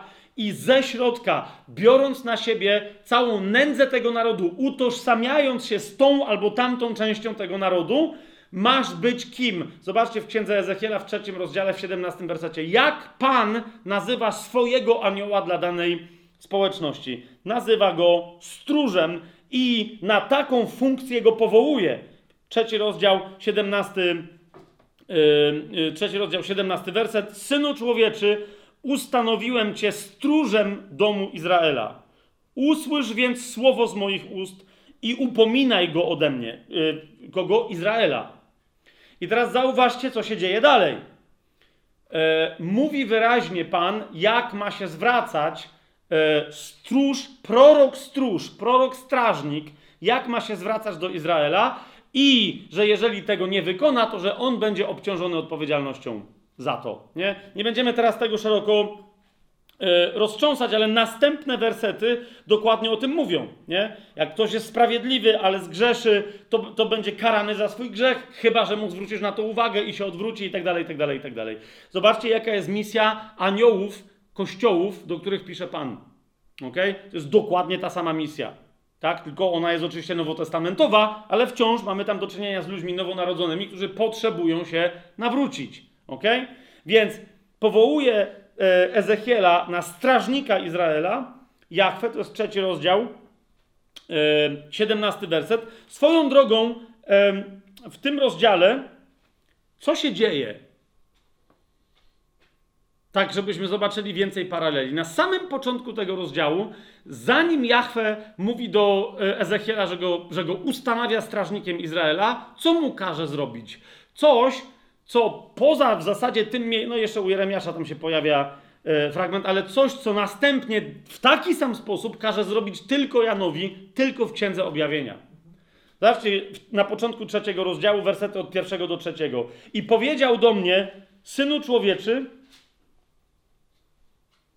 e, znaczy, e, wcześniej Ezechiel zobaczył przed sobą zwój na ręce. Nie? Więc to jest bardzo istotne, że zobaczył księgę, czyli zwój. Tak? W drugim rozdziale, w dziewiątym, y, dziesiątym wersecie, spojrzałem, oto ręka była wyciągnięta do mnie, a w niej zwój księgi. Jasne to jest? I teraz y, na to on to widzi i nie wie, co się dzieje, a do niego mówi Jachwę, trzeci rozdział, pierwszy werset i aż do trzeciego, powiedział do mnie, synu człowieczy, zjedz to, co jest przed tobą.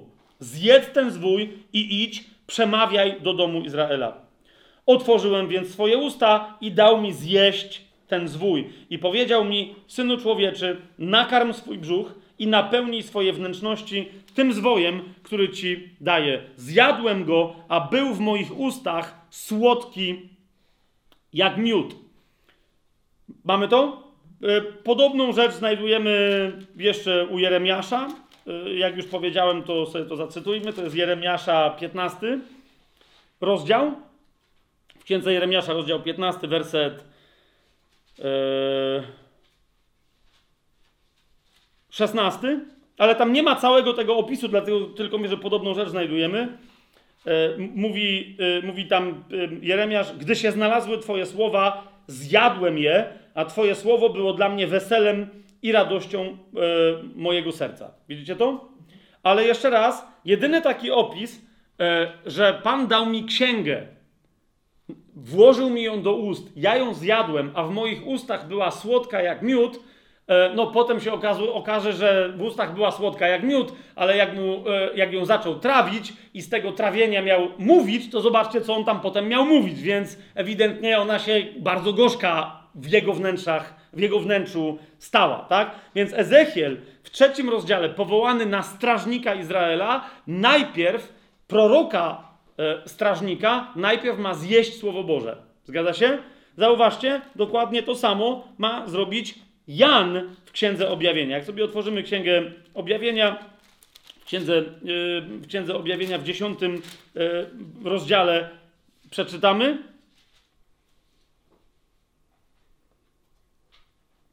To jest Księga Objawienia, rozdział 10, od 8 do 10 wersetu. A głos, który usłyszałem z nieba, znowu przemówił do mnie. Jak? Idź, weź tę otwartą księgę, która jest w ręce anioła stojącego na morzu i na ziemi. Więc masz znowu księgę, to jest oczywiście zwój na ręce i on mówi weź ją. Poszedłem więc do anioła i powiedziałem mu daj mi tę książeczkę. I powiedział do mnie, zauważcie, weź ją i zjedz a spowoduje gorycz w Twoim brzuchu, lecz w Twoich ustach będzie słodka jak miód. I wziąłem książeczkę z ręki anioła i zjadłem ją, a była rzeczywiście w moich ustach słodka jak miód, lecz gdy ją zjadłem, mój brzuch napełnił się goryczą. I powiedział do mnie: Musisz znowu prorokować. Dokładnie tak jak Ezechiel. Widzicie to? Więc macie wiele tego typu elementów, które mówią: Jan jest tak samo jak Ezechiel. Nie? Teraz, czy ci inni aniołowie kościołów to jest dokładnie to samo? Jeszcze raz, zobaczmy, kim jest strażnik narodu, strażnik społeczności, strażnik miasta, strażnik e, wspólnoty. Do księgi Ezechiela e, wróćmy. I w tej księdze e, Ezechiela otwórzmy sobie 33 rozdział trzecim rozdziale już widzieliśmy, po 17 wersecie widzieliście, strażnik Izraela co ma robić? Ma rozsądzać, nawracać, e, czy, czy głosić ku nawróceniu, nawet tym, którzy przez lata byli sprawiedliwi, ale potem od sprawiedliwości odpadli. Tak? Zobaczcie jeszcze raz w księdze Ezechiela w 33 e, rozdziale, w siódmym wersecie. Ciebie, synu człowieczy, ciebie ustanowiłem stróżem dla domu Izraela. Gdy usłyszysz słowo z moich ust, ostrzeżesz go ode mnie. Kogo? E, Izraela. I znowu, cały 33 rozdział, jak go sobie przeczytacie, to jest demonstracja tego, jak ludzie mogą grzeszyć, jak mogą być wierni, na jakiej zasadzie będą ustanawiać sami swoje zasady sprawiedliwości, a on mówi: Nie, ty masz prorocze poznanie, i ty jesteś odpowiedzialny za to, żeby im właściwe poznanie, mój punkt widzenia przedstawiać. Jak ty to zrobisz, odpowiedzialność spada na nich. Jak tego nie zrobisz, odpowiedzialność spada na ciebie. Tak? Jasne to jest? Kochani, to jest anioł Izraela. To jest anioł Jahwe posłany do Izraela, anioł danej społeczności, który wychodzi z danej społeczności, ale do niej wraca z misją od Jahwe. Innymi słowy, w Starym Testamencie jest nazwany strażnikiem danej, yy, danej społeczności. To jest prorok, który ma konkretną misję dla tej społeczności. Ma w duchu nawracać tę społeczność jako całość do serca Bożego. Czy to jest jasne?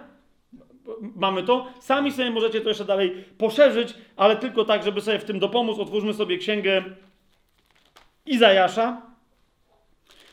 Y, a w księdze Izajasza 21 y, rozdział.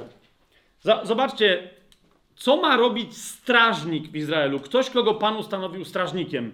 E, z, z, znowu ten sam prorok, który już, już nazwał sługę pańskiego e, aniołem Jahwe. Kiedy on służy danemu narodowi, co ma robić? Okay? Co ma robić strażnik ustanowiony jako, jako strażnik? I w jakich kontekstach ktoś może być nazwany strażnikiem? 21 rozdział Księgi Izajasza, od 5 aż do 12 wersetu przeczytajmy, żeby cały kontekst był widzialny. Przygotuj stół, niech strażnik trzyma straż a ty jedz i pij. Widzicie to? Żyjcie normalnym życiem, a niech nad wami czuwa strażnik. Wstańcie, książęta, namaszczajcie tarcze. Tak bowiem powiedział mi Pan, idź, postaw strażnika, niech mówi, co widzi. Co ma mówić strażnik, kochani? A nie to, co słyszy. Zgadza się? Co ma robić Jan? Napisz to, co widzisz. Tak? Zauważcie, jak usłyszał pewne rzeczy, które pochodziły od grzmotów i, i piorunów, to wyraźnie dowiedział się to jedno zapieczętuj. Dlaczego? Bo tego nie widziałeś, to usłyszałeś. Ty masz przekazać to, co widzisz. Widzicie, o co mi chodzi? Kolejna funkcja, która pokazuje, że Jan funkcjonuje jako anioł dla całego kościoła, tak, jako strażnik kościoła jako taki jest postrzegany przez Jezusa w księdze objawienia. Jasne? Dalej, co ma robić strażnik, siódmy werset. I zobaczył rydwan z dwoma jeźdźcami, które ciągnęły osły, i rydwan, który ciągnęły wielbłądy, i przypatrywał się im z wielką uwagą. Wtedy zawołał, jak lew, Panie mój, stoję ciągle za dnia na wieży strażniczej, stoję na warcie całymi, nad, całymi nocami. Co robi strażnik? Czuwa. Ok? Strażnik charakteryzuje się tym, że nigdy nie śpi. Ok? Duchowo oczywiście. Rozumiecie, co jest grane tutaj? Ci, których Pan trzyma w swoim ręku, to są słudzy, którzy są sługami nieustająco czuwającymi. Ok? Prorok widzący, który jest, który ma pozostać wewnątrz społeczności jako sędzia, na przykład Izraela, musi być prorokiem, który nieustająco czuwa. Nie? Swoją drogą zauważcie, o jakim co widzi strażnik z tego 21 rozdziału Księgi Izajasza. Okay? Mówi, że stoję na warcie całymi yy, za dnia, stoję na warcie całymi nocami, a oto nadciągają mężczyźni na redwanie z dwoma jeźdźcami. I zawołał, co zawołał ten strażnik? Upadł, upadł Babilon i wszystkie rzeźbione posągi jego bogów roztrzaskane zostały o ziemię. Nie, nie, wiem, czy potrzebujemy to sobie cytować. W Księdze Objawienia dwukrotnie tak, słyszymy dokładnie to, to, to wołanie upadł, upadł Babilon. Wielka metropolia, upadł, upadł wielki Babilon. W dwóch różnych miejscach. Nie? Musimy tam przeskakiwać? Nie musimy. Wszyscy wiedzą, o czym jest y, mowa. To jest mowa, to jest wołanie strażnicze, ale idźmy jeszcze dalej, 10, 11 i 12 werset. O moi wymłóceni i zboże mojego klepiska. No to jest wezwanie interesujące. Kto jest wymłócony, nie? Co usłyszałem od Jachwę zastępów, Boga Izraela, to wam oznajmiłem. To są cały czas słowa właściwie rozumianego strażnika.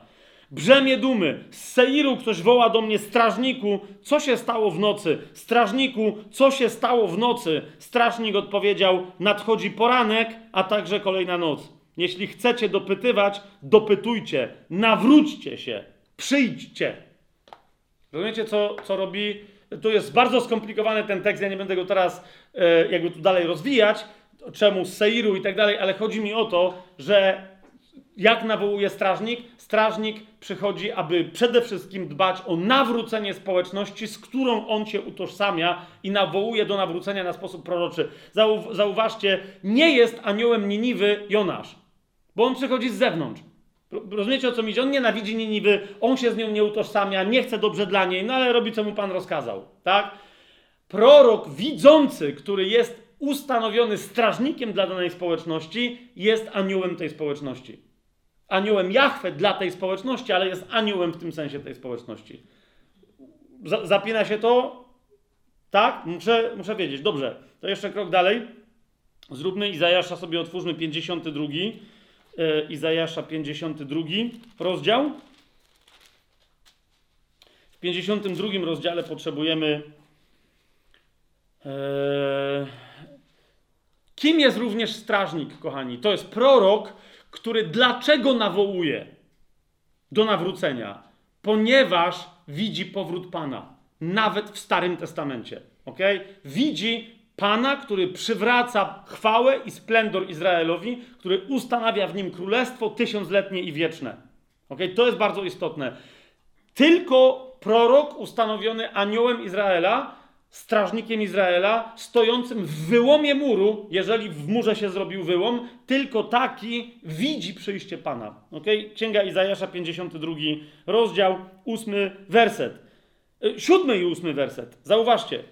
O, jak piękne są na górach nogi tego, kto zwiastuje dobre wieści i ogłasza pokój. Tego, kto zwiastuje dobro i ogłasza zbawienie. Kto mówi do Syjonu, Twój Bóg króluje. Zanim przeskoczymy do ósmego wersetu, zauważcie, jak często ten werset jest przypisywany ewangelistom. Zwróćcie uwagę. Ci, którzy głoszą Ewangelię, ale w tym konkretnym kontekście bezpośrednim, to nie są ewangeliści. Kto bowiem jest wołający, że Pan króluje? Kogo są nogi takie błogosławione? Tego, kto przynosi dobrą wieść Izraelowi, że Pan wraca i to już jest koniec. Zobaczcie w ósmym wersecie. Wy, nie, twoi stróże podnoszą głos. Tym głosem wspólnie wznoszą okrzyki, bo oko w oko ujrzą, jak Jahwe przywróci Syjon. Rozumiecie o co mi chodzi? To są strażnicy. Oni widzą powrót Pana. Oni widzą Syjon wyrastający ponad wszelką inną górę. Oni widzą dzień pański i nadejście królestwa. W księdze Izajasza w 62 e, rozdziale od pierwszego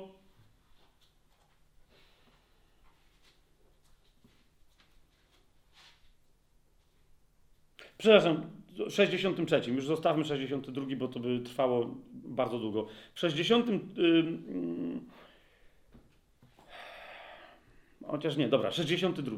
Niech będzie 62. Szósty i siódmy werset. Już nie będziemy tych wcześniejszych szósty i siódmy, yy, szósty i siódmy werset. Na Twoich murach, Jerozolimo, postawiłem stróżów, którzy przez cały dzień i całą noc nigdy nie zamilkną.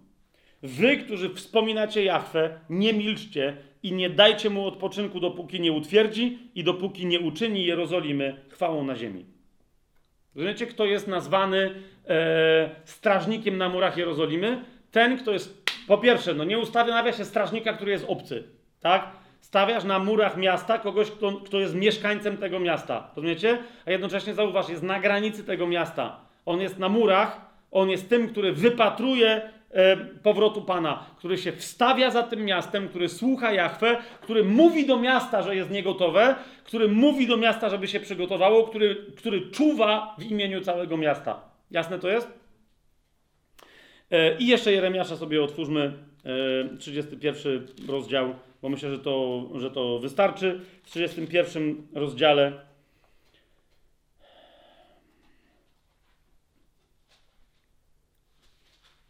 Bo, bo i Izajasz, i Jeremiasz, i Ezechiel i tak dalej, oni wszyscy mają bardzo spójną koncepcję stróża Izraela. To jest dokładnie to, co Nowy Testament, ale też co i Stary Testament nazywa aniołem e, narodu Izraela posłanym przez Jahwe. W 31 rozdziale, zobaczcie, w 6 wersecie, e, Jeremiasz mówi, nastanie bowiem dzień, kiedy stróże będą wołać na górze Efraim.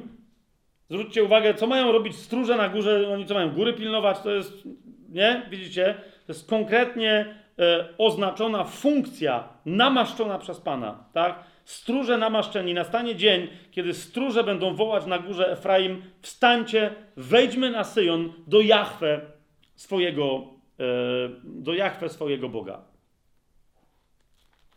Teraz, kochani, e, dlaczego miałoby się tych ludzi nazywać inaczej?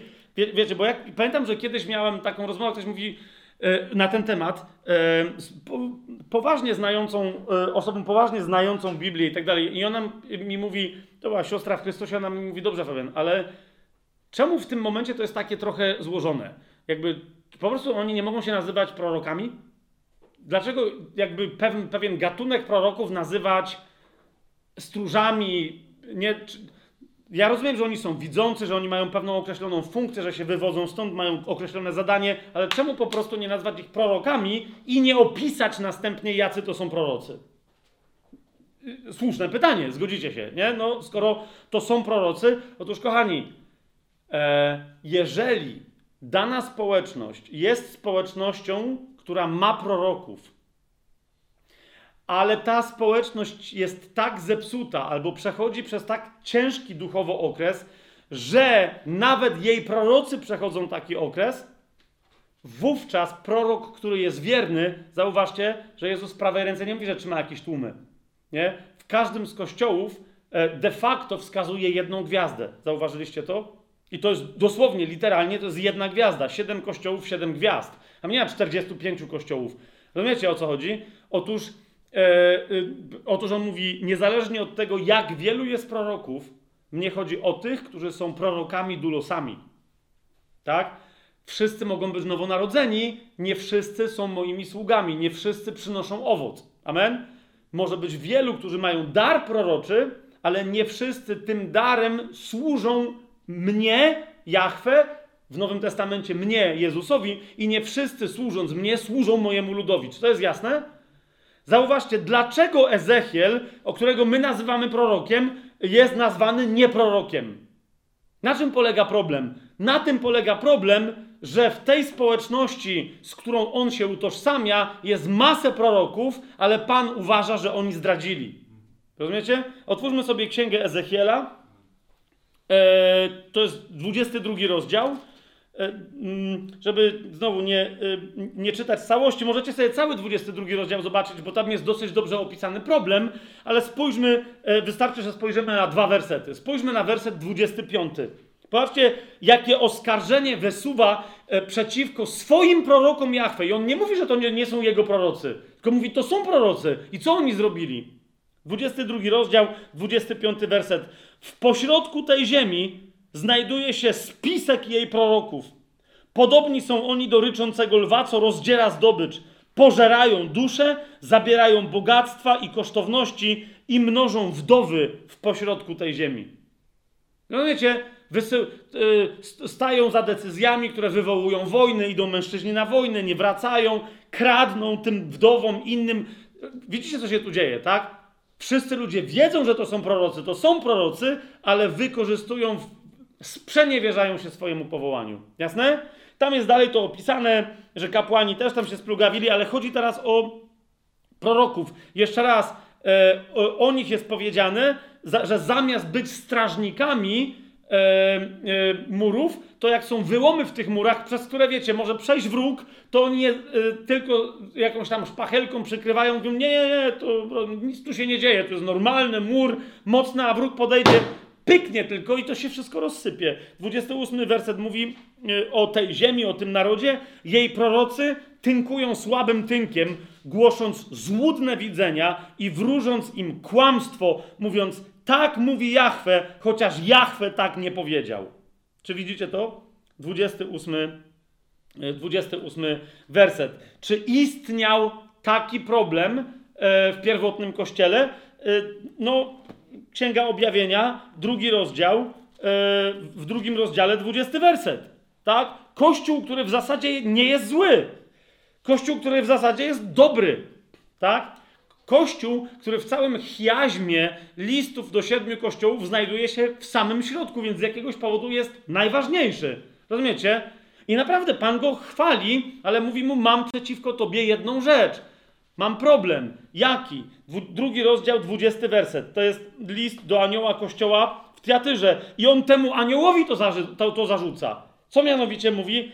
Mam nieco przeciwko tobie. Co? Że kobiecie Jezabel, która sama siebie nazywa prorokinią, pozwalasz nauczać i zwodzić moje sługi, żeby uprawiali nierząd i jedli ofiary składane bożkom. Widzicie, co jest grane? Masz kogoś, kto nawet nie wiadomo, czy jest prorokiem, ale skoro się nazywa prorokiem, to ludzie mówią, no to dajmy jej spokój, a ona nawet nie prorokuje, tylko naucza w taki sposób, że sprowadza ludzi na manowce. Jakie manowce? Takie manowce, które wcześniej, chociażby w, w liście do kościoła w Pergamonie, są nazwane naukami Balaama, tak? Drugi rozdział, 14 werset mówi, mam nieco przeciwko tobie, że masz tam takich, którzy trzymają się nauki Balaama, który uczył Balaka, jak doprowadzić do upadków synu, synów Izraela, żeby jedli ofiary składane bożkom i uprawiali Nierząd. Widzicie o co chodzi? Kto to był? Yy, kto to był yy, Balam? Prorok, który był prorokiem Jahwe, ale który nie był z Izraela. Który nie należał do ludu, który chciał przeklinać, pamiętacie za, zawodnika, tak? To jest ten, co oślica do niego przemówiła. Chciał przekląć Izraela, bo mu za to zapłacili, ale Pan mu wyjaśnił, że spróbuj tylko, więc nie przeklął Izraela, ale wtedy wrócił do swojego pracodawcy i mu wyjaśnił, zrobimy inaczej. Ja ich nie będę przeklinał, ale dał mu sposób, jak doprowadzić do upadku lud Boży. Widzicie o co idzie? To jest problem kościoła pierwotnego, bardzo poważny. Są ludzie, którzy w duchu proroczym albo udają proroków, albo w duchu proroczym wprost są de facto e, e, e, sieją nauki Balama, fałszywego de facto ostatecznie proroka dla ludu Bożego. Nie? Więc Pan szuka aniołów kościołów takich, którzy, no właśnie, którzy co? Otw wróćmy do, do, do Ezechiela. W tym 22 E, e, rozdziale, w którym byliśmy, gdzie jest powiedziane o tych innych e, prorokach, którzy zawiązali wręcz spisek przeciwko ludowi Bożemu.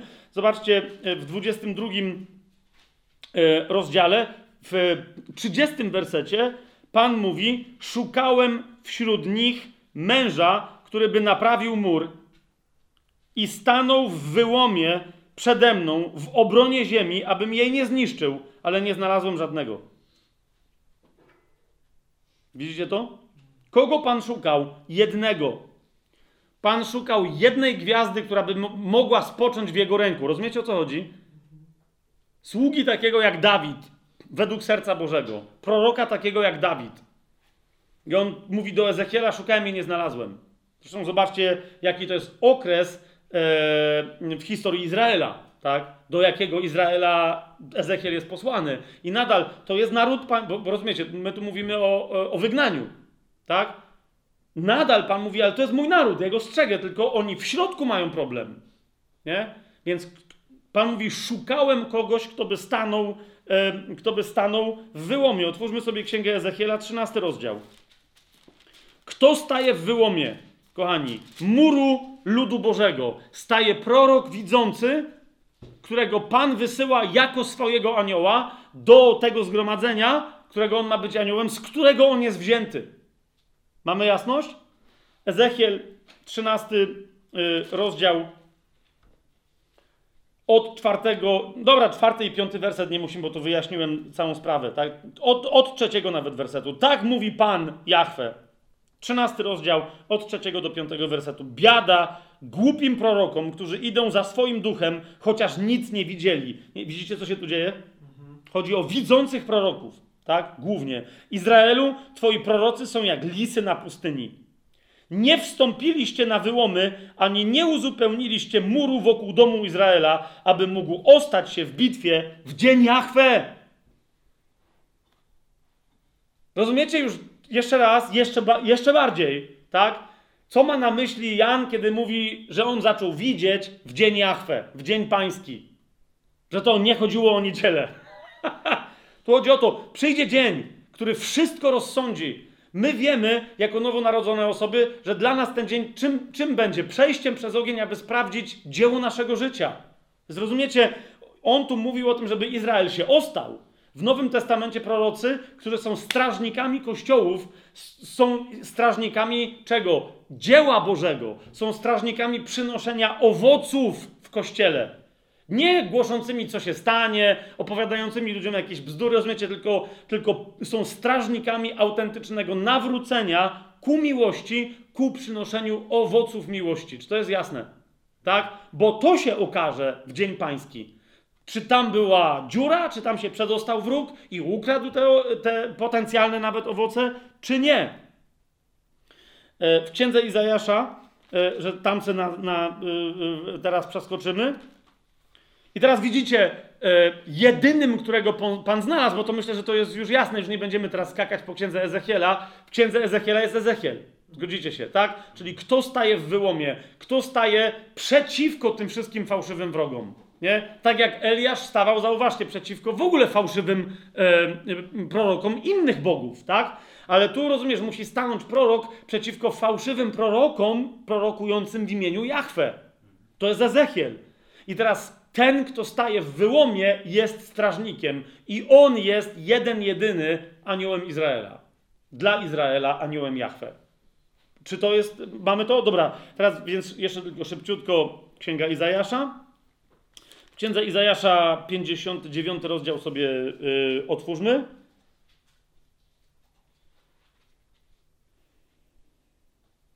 Yy, Izajasz podobny problem opisuje. To jest nieco inny y, okres historii Izraela, ale nadal to, to jest coś, o co Panu zawsze chodzi. Rozumiecie?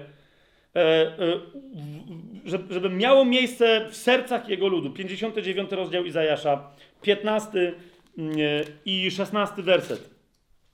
Prawda zginęła, mówi tam e, sam Bóg przez usta Izajasza. Prawda zginęła, a ten, kto odstępuje od zła, pada ofiarą łupu. Czyli kto próbuje być, wiecie, sprawiedliwy. Jachwę to widział i nie spodobało mu się, że nie ma sądu. Widział, że nie ma żadnego człowieka i zdziwił się, że nie ma nikogo, kto by się wstawił. Dlatego, zwróćcie uwagę, jego ramię przyniosło mu zbawienie i jego własna sprawiedliwość była jego podporą. Jak myślicie, które ramię przyniosło mu zbawienie? Skoro nie było żadnego człowieka. Nie? To jest dokładnie to. Jeżeli w kościele, pan, sęk w tym, że w Nowym Testamencie to jest niemożliwe, żeby w kościele nie znalazłby się chociaż jeden, tak? Jego ramieniem wcielonym, że się tak wyrażę, jest Jezus. A Jezus w swojej prawej ręce trzyma proroków, którzy są strażnikami murów kościoła. Ok? Nieważne jak zła jest zepsuta wspólnota danego kościoła, i kochani, nie ma się co bać mówić takim językiem. Bo z całym szacunkiem, jeżeli do jednego z kościołów, czyli do kościoła laodycejskiego, Jezus mówi, że stoi na zewnątrz tego kościoła i że ten kościół ma dla Jezusa drzwi zamknięte, tak że on musi, wiecie, pukać, mówi: Stoję u drzwi i pukam, niech mnie ktoś wpuści. To umówmy się, to jest zepsuta wspólnota. No tak czy nie? To jest zły kościół. Ja nie wiem, jak to inaczej nazwać, tak? Więc. Yy, więc niezależnie od tego, jak dany kościół czy wspólnota jest zepsuta, interesujące jest to zresztą, że to się przewija przez wszystkich siedem listów, że Pan mówi, że nawet do tych najgorszych kościołów, tak, e, że mają wśród siebie ludzi, którzy nie splamili swoich szat. Nie? Laodycea wygląda na to, jakby została kościołem, w którym jest jeden, jeden, ten właśnie, wiecie, gwiazda, anioł tego kościoła. Ostał się ostatni i ten ostatni decyduje o tym, że Jezus jeszcze nie wypluł tego kościoła ze swoich ust. Jest to jasne? Ale jak tego zabraknie, to będzie koniec. Więc jeszcze Księgę Izajasza sobie otwórzmy, 63 rozdział i myślę, żebyśmy e, tę myśl skończyli. Izajasz, 63 rozdział... Yy, zobaczcie od pierwszego do piątego wersetu, co się tu dzieje. Mamy tutaj opis, de facto, my już to dzisiaj wiemy, Jezusa, który jeszcze nie wylądował na ziemi, ale zmierza w stronę Góry Oliwnej. Okay? Opis, który my również znajdziemy dokładnie tego samego Jezusa w Księdze Objawienia. Tak? On wracając, aby wylądować, dotknąć stopami Góry Oliwnej, przechodzi pewną e, trasę, nie będę teraz się rozwijać, czy dookoła Ziemi, czy jak, bo wiadomo, że Ziemia, wiadomo, może jest płaska, może kwadratowa, e, czy dookoła, czy w jednej linii. Teraz nie będziemy tego rozważać. Chodzi o to, że to nie jest tak, że z nieba ląduje na Ziemi, tylko jeszcze wykonuje pewną operację. Znaczy, ląduje z nieba na Ziemi, ale, ale na tym obłoku widzi go cała Ziemia, on się pojawia w różnych miejscach, zwłaszcza e, e, na przykład w Edomie. I teraz o tym powracającym Jezusie prorokuje Izajasz w ten sposób. Zobaczcie w 63 rozdziale od pierwszego wersetu. Kim jest ten, który przybywa z Edomu w farbowanych szatach z Bosry? Jasne, to jest odniesienie się do tego, że tam wykorzystywali czerwie, które zabarwiały, wiecie, handlowali y, czerwoną farbą i tak dalej, i tak dalej, a więc on ma zabarwione szaty na czerwono, tak? Ten wspaniały w swoich szatach, kroczący w swojej wielkiej mocy. To ja jestem, który mówię w sprawiedliwości, potężny w wybawianiu. No to wiemy, kto to jest. Tak, ale dalej. Dlaczego twoja odzież jest czerwona, a twoje szaty jak u tego, który tłoczy w prasie? Czytamy w Księdze Objawienia, że on wyciskał wino, dosłownie czerwone, y, krwi narodów całych. Nie? Więc dlatego on odpowiada, sam jeden tłoczyłem prasę i spośród ludu nie było ze mną nikogo. Hmm. Tłoczyłem go w swoim gniewie i deptałem go w swojej zapalczywości, aż pryskała jego krew na moje szaty. Poplamiłem całą swoją odzież. Dzień pomsty był w moim, bowiem w moim sercu, a rok moich odkupionych właśnie nadszedł. Widzicie, jaki to jest dzień? To jest dokładnie dzień powrotu Jezusa na ziemię. I teraz zobaczcie piąty werset. Rozglądałem się, ale nie było pomocnika. Zdumiałem się, że nikogo nie było, kto by mnie podparł. Dlatego, znowu to samo, moje ramię przyniosło mi zbawienie, a moja zapalczywość, ona mnie podparła. Tylko widzicie, Księga Objawienia nam zdradza, że zawsze z Panem jest Kościół. Jaki Kościół? Kościół tych ludzi, których On trzyma w swoim prawym ręku. Czy już wiecie, kim są e, aniołowie kościołów? Ok? Jeżeli siedem kościołów oznacza całość Kościoła Bożego w każdym wieku na ziemi, to co oznacza siedem gwiazd? Oznacza całość de facto wszystkich dulosów, wszystkie sługi Boże w całym Jego Kościele, w każdym wieku na ziemi. Czy to jest jasne, co, co, co tak? Oznacza, ale jeszcze raz, nie tylko sługi, tylko tych, którzy chcą dla swojego Kościoła utożsamiając się ze swoim kościołem, stanąć w wyłomie dla tego kościoła. Ok? Mówić do tego kościoła o nawróceniu. Ok? Popatrzcie, jak to jest bardzo interesujące, e, że my w Księdze Objawienia mówimy, że Jan tam się pojawia jako prorok, ale zauważcie, że on się nie przedstawia jako prorok. W ogóle słowo prorok czy prorocy się pojawia dopiero pierwszy raz w Księdze Objawienia, nie wiem, chyba w dziesiątym rozdziale, czy tam, czy jeszcze dalej. Nie on siebie nie przedstawia jako proroka, zauważcie. Ale jako kogo? Jako dulosa. I teraz mamy, popatrzcie, e, jeżeli mamy gdzieś w Księdze Objawienia hierarchię stępującą, to jest jedyna ta. Mianowicie, dul, mianowicie z aniołem Kościoła, całego Kościoła, jest Jan. I Jezus postrzega Jana jako anioła całego Kościoła. Czy to, rozumiecie co mi idzie? Więc jemu przekazuje to objawienie. Tak? a on przekazuje komu to objawienie? Ludziom podobnym jemu, ale którzy są aniołami kościołów lokalnych. Mamy to? Innym językiem powiem. Jezus postrzega w tamtym czasie Jana jako jedynego strażnika kościoła, który staje w wyłomie muru kościoła, aby wstawiać się za kościołem i aby nie wychodzić w imieniu kościoła gdzieś na zewnątrz, ale żeby będąc z wewnątrz tego kościoła, mówić temu kościołowi, aby się nawrócił. Mamy to? Dokładnie tak, jak to robi strażnik Izraela Ezechiel, wszędzie tam, gdzie to jest opisane, czy Jeremiasz, zobaczcie na jego powołanie. To jest klasyk. Jeremiasz jest klasycznym strażnikiem Izraela. Nie? Więc e, kim są aniołowie kościołów? To są ludzie, którzy są prorokami, którzy mają widzenie prorocze stanu kościoła, nie innych rzeczy, tak? Ale stanu kościoła, ludzie, którzy mając to prorocze poznanie, chcą stanąć w wyłomie, nie boją się swojego własnego. Po pierwsze, to jest bardzo istotne, to są ludzie, którzy się nie odżegnują od swojego kościoła. Nie? Rzecz, nie, ja nie wiem, czy ją ostatnio dobrze wyraziłem, czy niedobrze i tak dalej. Pamiętacie, jak ostatnio, z takim, taki chyba, jak pamiętam, dosyć poruszony, powiedziałem o tym, że wszyscy dzisiaj chcą być w Filadelfii. Wszyscy twierdzą, że nią są. Nie?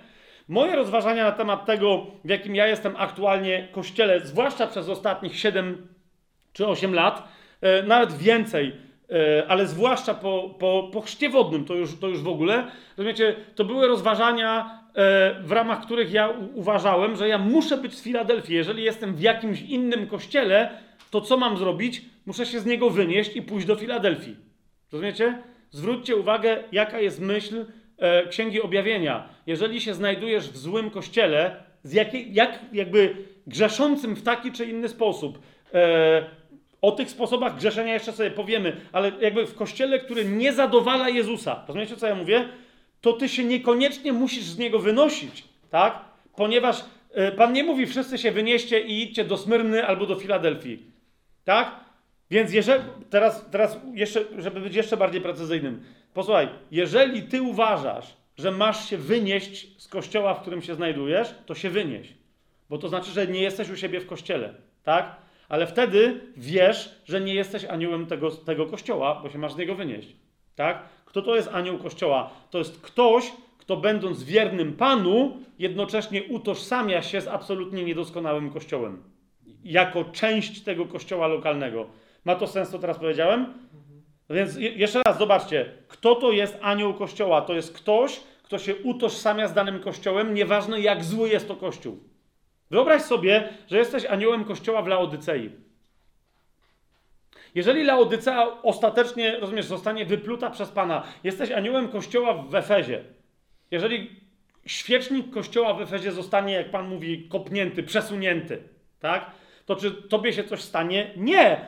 Przestanie istnieć ten kościół, ty przestaniesz być aniołem tego kościoła. Czy to jest jasne? Nie przestaniesz być częścią tego kościoła, podobnie jak pojedynczy ludzie nie przestaną być częścią tego kościoła. Rozumiecie, co ja mówię? Zauważcie, na końcu każdego listu mamy napisane, no czasem kolejność jest odwrócona, ale mamy napisane, kto ma uszy, niech słucha, co duch mówi do wszystkich kościołów. Nie? Po, to jest wezwanie do pojedynczej osoby. To nie jest wezwanie do anioła kościoła, to nie jest wezwanie do całego kościoła. Kto ma uszy w, w Biblii? Ten, kto chce być posłuszny. Ten, kto słucha, żeby dać posłuch temu, co słyszy. Czy to tak? Rozumiemy o co chodzi? Więc kto ma uszy w Biblii? Ten, kto usłyszy i potem zrobi to, co usłyszał. Tak? Więc nawet jeżeli cały kościół się nie nawróci, kto w tym kościele ma uszy, niech słucha, co, co Pan mówi, co Duch mówi do kościołów. Tak? I zauważcie, obok tego wezwania zawsze znajduje się obietnica, a zwycięzcy dam i tak dalej, i tak dalej. Nie? Zauważyliście? A więc nadal możesz być w złym kościele, ten kościół może upaść. I jeszcze raz, weźmy to pod uwagę. Jezus do Laodycei mówi, bo cię wypluje. Jezus do kościoła w Efezie, który naprawdę dostaje poważną pochwałę od niego, mówi, bo cię przesunę. Usunę dosłownie z twojego miejsca i cię już nie będzie ale nadal ty, będąc w tych kościołach, jeżeli się z nimi utożsamiasz, rób co w twojej mocy, aby wy, wypełnić wezwanie bo Pan do wszystkich tych kościołów, nie do wszystkich, ale do prawie wszystkich, nie do prawie wszystkich, do pięciu z siedmiu mówi nawróć się. Nie? Jak się nie nawrócisz, to wtedy się staną konkretne rzeczy. Yy, I teraz twoje szczęście, jeżeli jesteś w kościele Smyrny albo w kościele Filadelfii. Również nie tylko w tym kościele, twoje szczęście, nie? Zaraz się temu bliżej przyjrzymy. Ale idzie mi o to, że jeżeli możesz być nadal zwycięzcą, będąc częścią złego kościoła, tak? Ale nie możesz być zwycięzcą, jeżeli będąc częścią złego kościoła, nie będziesz aniołem tego kościoła. Czy, czy jest jasne, co ja, teraz, co ja teraz mówię? Anioł kościoła to jest ktoś, kto mówi, tak, jestem z tego kościoła, ale ktoś, kto nie usprawiedliwia zła w tym kościele, grzechu w tym kościele, nieposłuszeństwa w tym kościele, nieprzynoszenia owoców w tym kościele, to jest ktoś, kto to konfrontuje, wzywa do nawrócenia i jednocześnie mówi, jakie będą konsekwencje braku nawrócenia, i kto jednocześnie ogłasza w danym kościele, że już jest po tych konsekwencjach. Ja mam wrażenie, że my dzisiaj mamy do czynienia w wielu miejscach na świecie z kościołami, które już dawno zostały usunięte ze swojego miejsca i idą tylko i wyłącznie cielesnym rozpędem, udając chrześcijaństwo. Po prostu. Ale nie będziemy teraz e, się w, tą, e, w tą historię e, wdawać. ok? Czy to e, gdy chodzi o listę do siedmiu kościołów, jeszcze raz, czy to jest konkretnie siedmiu przedstawicieli tych kościołów? Może tak być. Dlaczego? Ponieważ tych kościołów było konkretnie siedem. Rozumiecie, co ja mówię? Tych, do których Jan rozesłał, było siedem kościołów, więc tam prawdopodobnie było siedem osób, które dostały te listy jako zaufane osoby, które Jan rozpoznawał jako aniołowie tych kościołów, żeby oni przekazali treści tych listów i wszystkich innych listów i treści całej Księgi Objawienia swojemu kościołowi. Jasne? Natomiast w sensie przekazu dla całego kościoła, siedem świeczników oznacza cały kościół wszech czasów kościoła na ziemi, więc siedem gwiazd w ręce Jezusa oznacza wszystkich proroków sług Jezusa. To jest jasne? Którzy się utożsamiają ze swoimi kościołami i którzy dla tych kościołów są aniołami Jachwy, wzywającymi swoje kościoły do doskonałości Bożej, do nawrócenia, do przynoszenia owoców.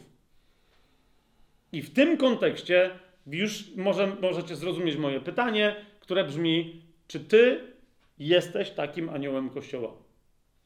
W jakim ty się dzisiaj znajdujesz kościele? I teraz jeszcze raz, e, to może być kościół strukturalny, to może być kościół jako część y, lokalny, jako część denominacji itd., itd. Zastanów się dobrze, co jest twoim kościołem. Okay? W jakim miejscu postawił cię Pan? Czy ty w ogóle stoisz, siedzisz we właściwym miejscu? Czy idziesz z właściwą grupą ludzi? Czy to jest twój kościół, to co nazywasz teraz swoim kościołem? Ale jeżeli jest, to wówczas odpowiedz sobie na pytanie, czy ten kościół, uważaj na to, jako społeczność, jako wspólnota, a nie czy pojedyncze w nim osoby, ale czy twój kościół jako kościół przynosi owoce. Ok? Bo jeżeli nie, to jest pytanie zasadne, czy te pojedyncze osoby, o których myślisz, że przynoszą owoce, czy przynoszą owoce. A nawet jeżeli tak, to pytanie brzmi, czy wasze owoce są prawdziwie wspaniałymi, stukrotnymi owocami, jeżeli dookoła was żyją ludzie, których bezowocność tolerujecie. Po prostu. Jeżeli jesteś dulosem czy duloską pańską i żyjesz w społeczności, która ludzi, którzy nie przynoszą owoce, także ta społeczność raczej nie przynosi owoce niż przynosi, to jest pytanie, jak bardzo jesteś rzeczywiście dulosem czy duloską pańską. To jest pytanie.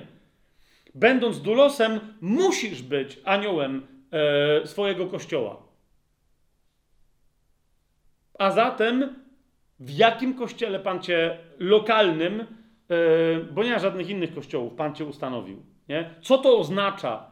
I teraz wiesz, mo, może twoja myśl pójść w stronę, no Pan mnie ustanowił w Krakowie, albo w, Bielsku, tak? albo w, w Poznaniu. Fantastycznie. Ale teraz pomyśl, okay? jakie są twoje połączenia z całą resztą ciała Chrystusa w tym mieście, a nie o jakich strukturach kościelnych ty wiesz, że istnieją w tym mieście ponieważ to naprawdę nie ma nic do rzeczy. Pan ma kościoły swoją drogą, jak się przyjrzymy yy, temu, co się dzieje w księdze objawienia, wróćmy sobie do księgi objawienia, to zauważcie, że Jezus nigdzie nie ma kościoła efeskiego, kościoła laodycejskiego, kościoła teatrskiego. On ma kościół w Efezie. Zwróćcie uwagę, nie istnieje coś takiego jak Kościół krakowski, Kościół poznański, Kościół coś tam. Nie, bo wtedy bardzo łatwo połączyć ideę terytorialną. Wiecie o co mi idzie? Wszyscy ludzie na tym miejscu to są albo należą do nas, albo są nam. Prze... Jest miejsce geograficzne, a na tym miejscu Pan ma swoje duchowe dzieci. I one stanowią jedność, tak? Ale może ich tam nie być. Pewnym momencie Kościół może być usunięty i będzie usunięty z całej ziemi, de facto. Tak? Nie będzie żadnego miejsca geograficznego. Są dzisiaj miejsca geograficzne, całe rozległe krainy i miejscowości wciąż, kochani, gdzie nie ma kościoła. Rozumiecie to? Są miejscowości, w których kościół był, ale już go nie ma. Są miejscowości, w których kościoła nigdy nie było. Są Inaczej, są kościoły, które istniały w pewnych miejscowościach, które dzisiaj nie istnieją, bo te miejscowości przestały istnieć. Między innymi niektóre kościoły z Księgi Objawienia przestały istnieć, ponieważ ich miejscowości przestały istnieć. Więc jeszcze raz, Pan ma swoje kościoły w danej miejscowości, na danym terytorium, na danym terenie, e, ale te kościoły nigdy nie mogą być utożsamione z danym miastem, społecznością wiecie, danej miejscowości i tak dalej, i tak dalej. Mamy to? Tak? Rozumiem to? Świetnie. Więc teraz, je, jeżeli pytanie brzmi, czy jesteś ty aniołem e, swojego kościoła? Jeszcze raz, jeżeli rzeczywiście nie widzisz, że się masz przenosić, to niech twoja myśl nie idzie strukturalnie, bo struktury.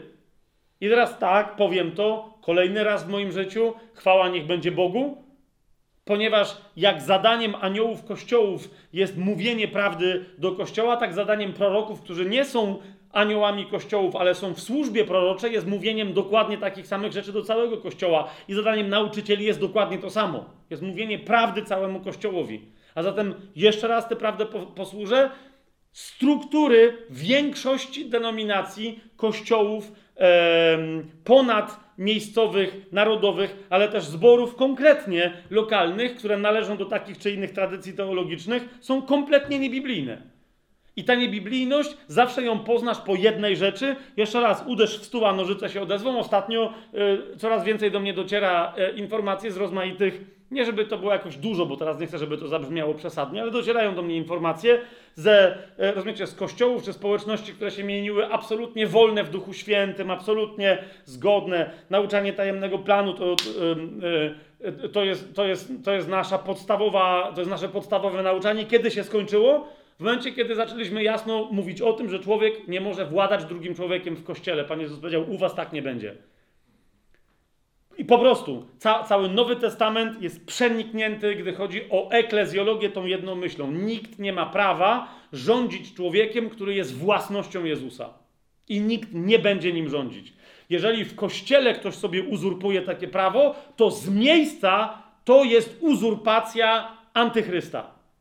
Po prostu. Jeszcze raz to powtórzę.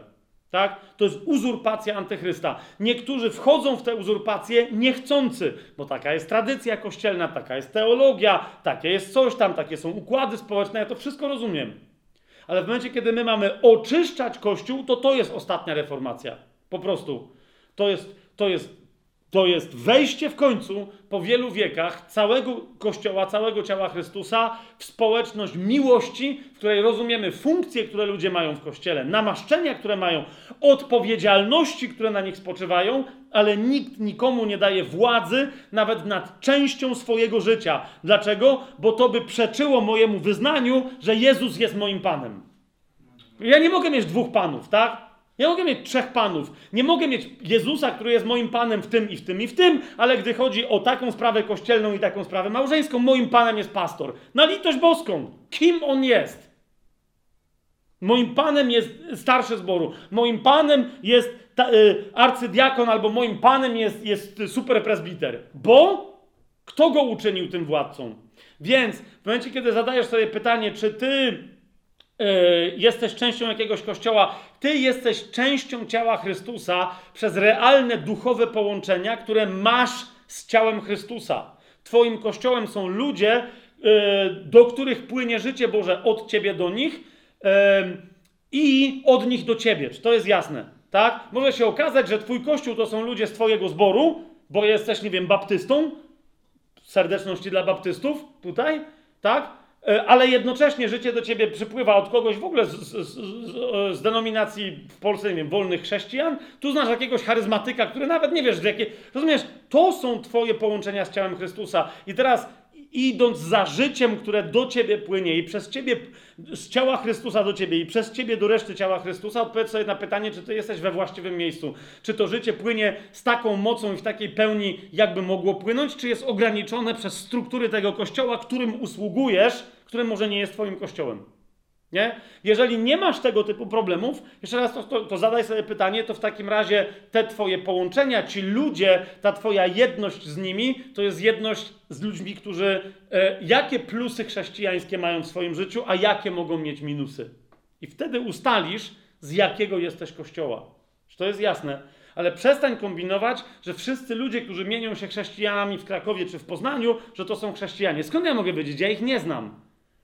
Nie znam, e, co do niektórych, nie znam chrześcijan, którzy mogliby mi zaświadczyć o tym, że, je, że jeden, którego ja wiem, że jest chrześcijaninem, żeby mi zaświadczył, że tamten też jest. Rozumiecie, o co mi chodzi? Ludzie przychodzą i mówią, ja jestem z tego i tego zboru, takiej i takiej denominacji. I co mnie to obchodzi?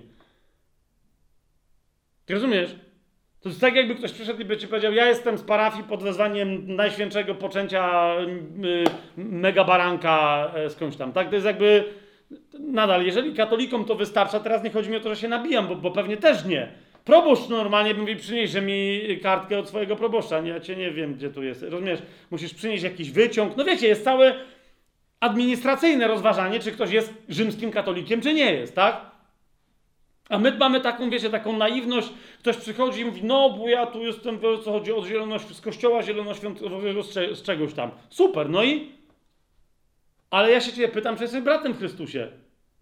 Zauważ, ilu tych braci w Chrystusie, całą resztę chrześcijaństwa, ilu masz y, y, tych wszystkich, rozumiesz, y, mistrzów wszechświata w internetach i nie w internetach, którzy mówią, na czym polega chrześcijaństwo, i do, jeżeli ktoś się z nimi literalnie w 100% w każdej tezie nie zgadza, od razu mówią, to nie jest brat, to nie jest brat, to nie jest brat, to nie jest brat. Pierwsze moje podejrzenie, czy ty jesteś bratem, jeżeli nie rozpoznajesz brata w duchu. Tylko przez to, czy on się zgadza z twoją aktualną ideologią teologiczną. Rozumiesz, o co mi idzie? No ale on od 20 lat jest w takim i takiej denominacji. Co mnie to obchodzi? Co mnie to obchodzi? Rozumiesz, to nie jest żaden dowód, bo nawet jeżeli kiedyś byłeś nowonarodzony, to nadal jest pytanie, czy dzisiaj przynosisz owoce. Kto mi o tym zaświadczy? Gdzie masz braci i siostry, którzy powiedzą tak, amen? Bo na tym polega Kościół. Zresztą, kochani, e, przyjrzyjmy się teraz strukturze e, tych listów do siedmiu kościołów. To będzie druga część tego naszego dzisiaj nauczania, niekoniecznie tak długa jak ta pierwsza. E, żeby, żebyśmy czytając te listy mogli siebie przesądować, na ile my z, jakie, z jakim kościołem w tym momencie jesteśmy związani, do, do której części kościoła Pan nas posyła. Dzisiaj tego nie skończymy, ale żeby już swoje własne osobiste studium podjąć, potrzebujemy się przyjrzeć wreszcie tym listom, jak one są napisane. Ok? Ile nam, ile czasu w tej chwili upłynęło? Jakieś dwie godziny? Dwie godziny, e, 10 minut. Dwie godziny 10, dobra, to, to może nam się to em, uda. Więc kochani, mamy listę do siedmiu kościołów, nie? Już się więcej nie będę tam rozwijać. Ja, może w przyszłym tygodniu jeszcze to rozwiniemy. Swoją drogą zauważcie, to sobie nawet nie napisałem, który to jest odcinek, ale to już dzisiaj mamy szóste spotkanie. Jesteśmy w połowie i zauważcie, nie wyszliśmy z listów e, do siedmiu kościołów. Dlaczego? Cała reszta potem stanie się taką, taka prosta. Nie? Wiecie, w, całym, w całej księdze objawienia chodzi o ostatnie 3,5 roku świata. Rozumiecie? To ostatnie 3,5 roku będzie podsumowaniem czegoś, co Słowo Boże nazywa żniwem. Ok? A żniwo jest odpowiedzialnością Twoją i moją i było odpowiedzialnością wszystkich naszych sióstr i braci w każdym pokoleniu od, mom- od momentu, kiedy Jezus poszedł do nieba. Jezus. E...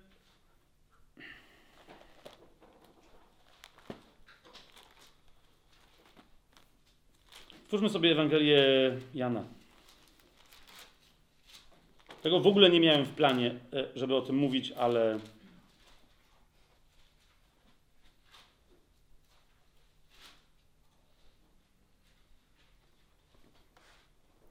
Dziś jest moment, abyśmy jako Kościół, nie że my tu jakiś stanowimy Kościół, chociaż stanowimy w momencie, kiedy się. No wiecie o co mi chodzi, ale jako wszyscy, jako całe ciało Chrystusa, żebyśmy usłyszeli te słowa, które Jezus powiedział do całego Kościoła w każdym pokoleniu. To jest czwarty rozdział Ewangelii Jana. 34 werset. I dalej. Jezus im powiedział, to jest y, czwarty rozdział Ewangelia Jana, czwarty rozdział od 34 wersetu. Jezus im powiedział: Moim pokarmem jest wypełniać wolę tego, który mnie posłał i dokonać jego dzieła. Moim Jezus mówi, a wy? Mówi, wy czy nie mówicie, że jeszcze cztery miesiące, a przyjdzie żniwo? Zauważcie, kiedy to jest? Jezus jest jeszcze na ziemi. Jest dopiero czwarty rozdział Ewangelii Jana, a mówi: Oto mówię wam, podnieście wasze oczy i przypatrzcie się polom, że już są białe, gotowe do żniwa. Już są dojrzałe, żeby je zrządzić. Już teraz. A kto żnie, otrzymuje zapłatę i zbiera owoc na życie wieczne. Aby i ten, kto sieje, i ten, kto żnie, razem się radowali. Ja was posłałem, rządź to, nad czym nie pracowaliście. Inni pracowali, a wy weszliście w ich pracę. Rozumiecie? Jezus mówi: Ja was posłałem na żniwo, wy macie rządź. Każdy, kto żnie, zobaczcie 36 werset, otrzymuje zapłatę. I teraz popatrzcie razem ze mną jeszcze raz w tym kontekście, 22 rozdział Ewangelii, yy, 22 rozdział objawienia Janowego. 22 rozdział, 12 werset. Oto przyjdę wkrótce, mówi Jezus, a moja zapłata jest ze mną, aby oddać każdemu według jego uczynków.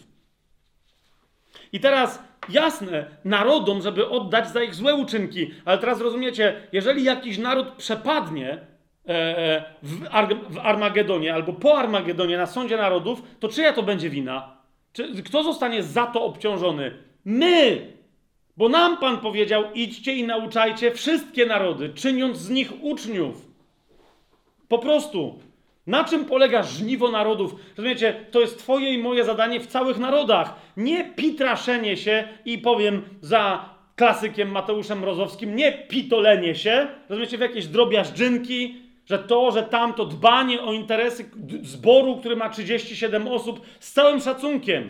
I głoszenie temu zborowi, że opiekowanie się kawiarenką raz w niedzielę przez, przez półtorej godziny, że to jest wielkie posłannictwo. Bo może się ktoś nawróci i się napije tej kawy. Jakby co? Gdzie jest, rozumiecie, ta perspektywa, którą Pan nam przedstawia? Cała księga objawienia mówi o tym, że istotą wszechdziejów, jak Pan wróci, to, to istota dziejów będzie inna, tak? Ale że istotą dziejów jest 14 rozdział księgi objawienia. Tam on jest opisany. Pan wracający na ziemię, rozumiecie, ma dokończyć, ale też w tym sensie podsumować dzieło czego? Dzieło żniwa. O nic innego nie chodzi i Pan swojego powrotu z żadnego innego powodu nie opóźnia. Ojciec nie opóźnia powrotu swojego syna z żadnego innego powodu, tylko z tego jednego. Rozumiecie? Bo on nie chce śmierci grzesznika, ale aby się nawrócił i żył. I, I teraz nie on będzie nawracać tego grzesznika, tylko my mamy. Z... Rozumiecie? On już go nawrócił. My go mamy tylko przyprowadzić do tego, żeby oddał swoje życie Jezusowi. I tego Kościół nie robi. Od, dlatego, e, rozumiecie, jeżeli my, jeżeli siedem kościołów, czyli cały Kościół, nie będą prawdziwie ze złota, to nie wypełnią swojej misji. Po prostu. Cała, czytanie całej reszty Księgi Objawienia, jak ma nam przynieść jakiekolwiek pocieszenie, jeżeli tym pocieszeniem nie będzie, jeżeli my tego pocieszenia nie znajdziemy w czym? W wypełnianiu słów tej księgi, a ono oznacza przynoszenie owoców. To jest kwintesencja, po to jest cała reszta księgi. Obie... Rozumiecie, jak pierwsze trzy rozdziały zrozumiemy, czym jest Kościół, kim jest dulos dla Chrystusa, ale, ale też na czym polega utożsamienie się. My, my nie możemy, rozumiecie, kult, jed... ja jestem dulosem, cała reszta Kościoła mnie nie obchodzi. To jest dowód, że nie jesteś żadnym dulosem. Bo Jezus umierał za całą ludzkość, a my życie swoje Jemu oddajemy i kochamy Go w jaki sposób? Kochając Go w siostrach i braciach w pierwszej kolejności. Amen? Więc rozumiesz, ideą całej Księgi Objawienia, całej reszty tego wszystkiego, co nadchodzi, tego pocieszenia jest, Pan mówi, ej, ostatecznie wygramy. Ale teraz, czy wy wygracie swoje pokolenie? Bo ja przychodzę, aby zrządzić... No pamiętacie tego Pana, które, któremu, z- który rozdał e, talenty? I, I pamiętacie, co mu zarzuca jeden, je- jeden z, jego, z jego służących? Że ty jesteś kimś, kto chce rządzić tam, gdzie nie siał. Nie? Ale chcesz przyjść, żeby ktoś dla ciebie posiał, ktoś inny zżął, a ty chcesz to wziąć. Dokładnie tak. Rozumiecie? I my dzisiaj mamy kościół, który mówi, nie no to Pan niech se sam sieje. Jedni siali, Jezus mówi, tak? A inni mają rządź. Kto to jest? To jesteś, Jezus mówi, wy weszliście w ich pracę. Po, podnieście wreszcie oczy Kościele, podnieście wreszcie oczy i zobaczcie, że cały świat to jest bielejące żniwo. My cały, rozumiecie, cały czas te brednie w Kościele, to, to rzucanie się, ale ludzie się nie chcą nawracać, gdzie jest to żniwo, gdzie, rozumiecie, to, to problem wynika z tego, że żniwo może zbierać Kościół, który jest posłuszny Panu. A nie pojedynczy ewangelista, który jest sensacyjny, czy jacyś ludzie, którzy mają koncepcję, żeby, żeby po zrzęciu ściągnąć ludzi nawróconych do swoich struktur kościelnych. Dlatego Pan im na to nie pozwala. A teraz to się absolutnie kończy. Kwintesencją Księgi Objawienia jest ta wizja e, w sensie tego, co ona, ona, ona nam pokazuje od czwartego y, rozdziału. To jest to, co Pan chce zrobić przy pomocy Kościoła w każdym pokoleniu i co dokończy i podsumuje w dniu swojego przyjścia. Kiedy On przyjdzie, przyjdzie na obłoku. Tak? Także cała ziemia go zobaczy. Więc zobaczcie jeden z aspektów tego przyjścia. To jest Księga Objawienia, 14 rozdział, od 14 wersetu.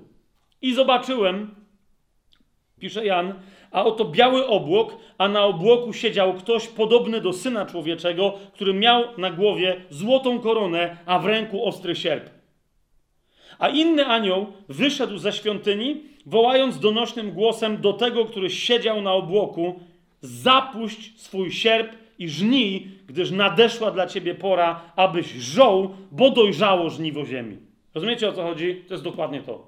Jezus wraca, aby zapuścić swój sierp ostatni raz na całej ziemi, ale on już w Ewangelii Jana nam powiedział: Wy macie rządź, wy jesteście moim sierpem. I teraz, jak przypomnicie sobie układ kościołów, to o, jeżeli on jakoś wygląda, wygląda dokładnie jak sierp do żniw w starożytności. Okay? Wiele z tamtych sierpów nie, nie było półokrągłych, takich wiecie, jak sierp i młot w symbolu sowieckim i tak dalej, ale one niektóre wręcz były dosłownie złamane jak, jak ekierka. Nie? E, niektóre były półokrągłe, ale o co idzie? Zboże wtedy było, nie było do bioder. Tak? Tylko ono było wysokości jak dzisiejsza kukurydza. I zobaczcie sobie, e, em, chciałem powiedzieć hieroglify, e, stare. tak, a drugie co chciałem powiedzieć, to stare nadruki egipskie na ścianach. Malowidła wszelkiego rodzaju i tak dalej. Jak zobaczycie, jak wyglądało zboże e, w starożytności, w czasach Pana Jezusa, to ono było wielkości człowieka, przynajmniej pszenica była wielkości, wysokości człowieka. Czyli można było schować się normalnie w, w, w pszenicy, nie? Pamiętam, jak kiedyś mi na to ktoś zwrócił uwagę, był taki sławny film Gladiator. Nie wiem, czy, czy kojarzycie, sama młodzież tu siedzi, więc nie kojarzy, tylko mężczyźni, którzy oglądają całą e, Biblię męską, to, to wiedzą, ok? Więc był gladiator i tam właśnie ktoś tam zwracał uwagę na błędy w tym filmie. No i wiecie, wszyscy wracają, zwracają na to uwagę, że gdzieś tam się pojawiła butla z gazem za jakimś rydwanem, nie? Te wszystkie historie. Ale oglądałem takiego historyka, który ktoś mi to zwrócił uwagę, mówi Fabian, posłuchaj sobie tego, bo to może być interesujące. I on mówił o błędach, na przykład, że drogi nie wyglądają jak starożytne drogi, tak? Bo, bo mają podwójne tam ciągi jak po kołach, a na ko kołami się jeździło po ym, y, kamiennych drogach, a takie, wiecie, wydeptane drogi, to po nich się jeździło końmi y, albo chodzili ludzie i nawet jeżeli ktoś z rzadka pociągnął tamtędy jakiś wózek, to on nie zostawiał dwóch kół, bo one nie były szerokie, nie? Więc te drogi powinny mieć pojedynczą wydeptaną jakby, czy wychodzoną tam taki rów przez środek. I, ale najważniejszy błąd, na który on zwrócił uwagę, to że w pewnym momencie tam ten, ten, ten gladiator w jakiejś tam wizji, jakiejś takiej, no ale w każdym razie idzie przez pole yy, i, do, i do, właśnie idzie i tak sobie, wiecie, dotyka tam jakiejś pszenicy czy jakiegoś żyta. I on mówi, że no fajnie, ale jakby to była oryginalna, starożytna kwestia, to by się dotykał, ale tak by te ręce tylko było na górze widać, bo jego by prawdopodobnie nie było widać. Więc w jaki sposób się żeło wtedy to zboże? Brało się jedną ręką, rozumiesz, nikt się nawet nie schylał do dołu, tylko wystarczyło chwycić to zboże tak o, zresztą zauważcie, lewa ręka, jak do tańca, prawej ręce, no chyba, że ktoś miał odwrotnie, ale no ja bym był praworęczny, ok? Wtedy ten sierp było bardzo istotne, żeby on podcinał Wiesz o co mi chodzi? To jest inny ruch niż na ziemi, tam się go wtedy trochę inaczej wykonuje. Ten sierp musi być bardziej zaokrąglony. Tu e, chwytało się całą taką, e, nie wiem jak to nazwać, taki snop dokładnie i, i podrzynało się go w zupełnie innym stylu, także czasem te, e, te sierpy były, dosłownie miały złamanie takie trójkątne na końcu. Nawet jeżeli były zaokrąglone, to były stosunkowo wąskie i rozszerzały się tylko tak, żeby w ten sposób. Łapiecie o co chodzi, żeby było łatwiej podciąć te, e, te wszystkie e, kłosy. Czy co to się tam podcina, tam ten. To na czym są kłosy, tam, zaraz się wykazałem ty znajomością botaniki wszelaką. No ale no wiecie o co mi chodzi, no nie? Tak, taki ze mnie wieśniak. E, I teraz przyjrzyjcie się od Efezu aż po Laodyce. Nie? Niektórzy mówią, kościół tam wygląda jak starożytny sierp. Dokładnie. Nie? do tego, aby rządź e, e, żniwo, które już dojrzało do tego, aby być zrzęte. Teraz, kochani, przejdźmy szybciutko do tej struktury kościołów. E, I naprawdę my zdążymy, chociaż żeśmy z bratem Tymoteuszem rozważali kwestię, że no jeżeli jeszcze będziemy dalej tyle gadać o e, siedmiu kościołach, to czy się wyrobimy w tym sezonie w 12 odcinków, a kto powiedział, że musi być 12? Ostatni sezon to może być 15. Zobaczymy. Powinniśmy się wyrobić. Dlaczego? Bo cała reszta tej księgi, jeszcze raz mówię, jest prosta i zrozumiała. Niekoniecznie jest łatwa do wykonania, ale jest prosta w zrozumieniu dla kościoła, który chce rozumieć. Jasne? Dlatego ta pierwsza część jest dla nas taka istotna. Teraz, kochani, szybciutko. Yy, Księga listów do siedmiu kościołów w ramach Księgi Objawienia, czyli stricte yy, mówimy tutaj bezpośrednio tylko i wyłącznie o rozdziałach drugim i trzecim yy, Księgi Objawienia. Mamy siedem e, listów do siedmiu aniołów, siedmiu kościołów e, w tych dwóch rozdziałach. I teraz, kochani, tych siódemek, jak mawiał Chuck Missler, jest, e, są tysiące. Ale my zobaczmy jeszcze tylko jedną taką fundamentalną siódemkę. Otóż do każdego z list, do każdego z kościołów lub też do każdego anioła kościoła na list każdy ma siedem, albo powinien mieć siedem części. Ok? Ja wam je teraz podam, jakie to są części, a potem e, troszkę jeszcze na sam koniec sobie rozważymy, co one, e, jakie znaczenie ze sobą niosą. W każdym razie, pierwsza część każdego listu. Ok? Jeszcze raz, kochani. E, plan każdego listu sugeruje, że każdy list powinien mieć tych siedem części. O, może tak. Nie? I pełne listy tutaj mają tych siedem części. Jeżeli jakiś list nie ma którejś z tych części, to to jest bardzo, ale to bardzo znaczące. Pamiętacie, jak e, na przykład przy okazji listu do Efezjan, listu do Galacjan, może mówiliśmy sobie, że znacznie bardziej w liście do Galacjan znaczące jest nawet nie to, co Paweł do Galacjan napisał, ale raczej to, czego im nie napisał. Tak? Na przykład, że w ogóle ich w żaden sposób nie pozdrowił. Nie ma tam, wiecie, ten taki bardzo chłodny, lodowaty, to no to mi chodzi. To samo jest tutaj. Bardzo istotne jest, co powinno być napisane, a co dla, do niektórych y, kościołów nie jest napisane. Zatem plan wygląda jak? I ten plan dosyć dobrze widać w momencie, kiedy się przyjrzymy kościołowi, który dostaje cały pełny list, czyli kościołowi e, efeskiemu lub też aniołowi kościoła w Efezie. Tak? E, więc list do anioła kościoła w Efezie to jest drugi rozdział Księgi Objawienia od pierwszego wersetu i sobie to od razu zobaczymy. Co jest pierwszą częścią każdego, e, kochani, listu? Jest adres czyli do kogo jest napisany ten list i przez kogo jest napisany ten list.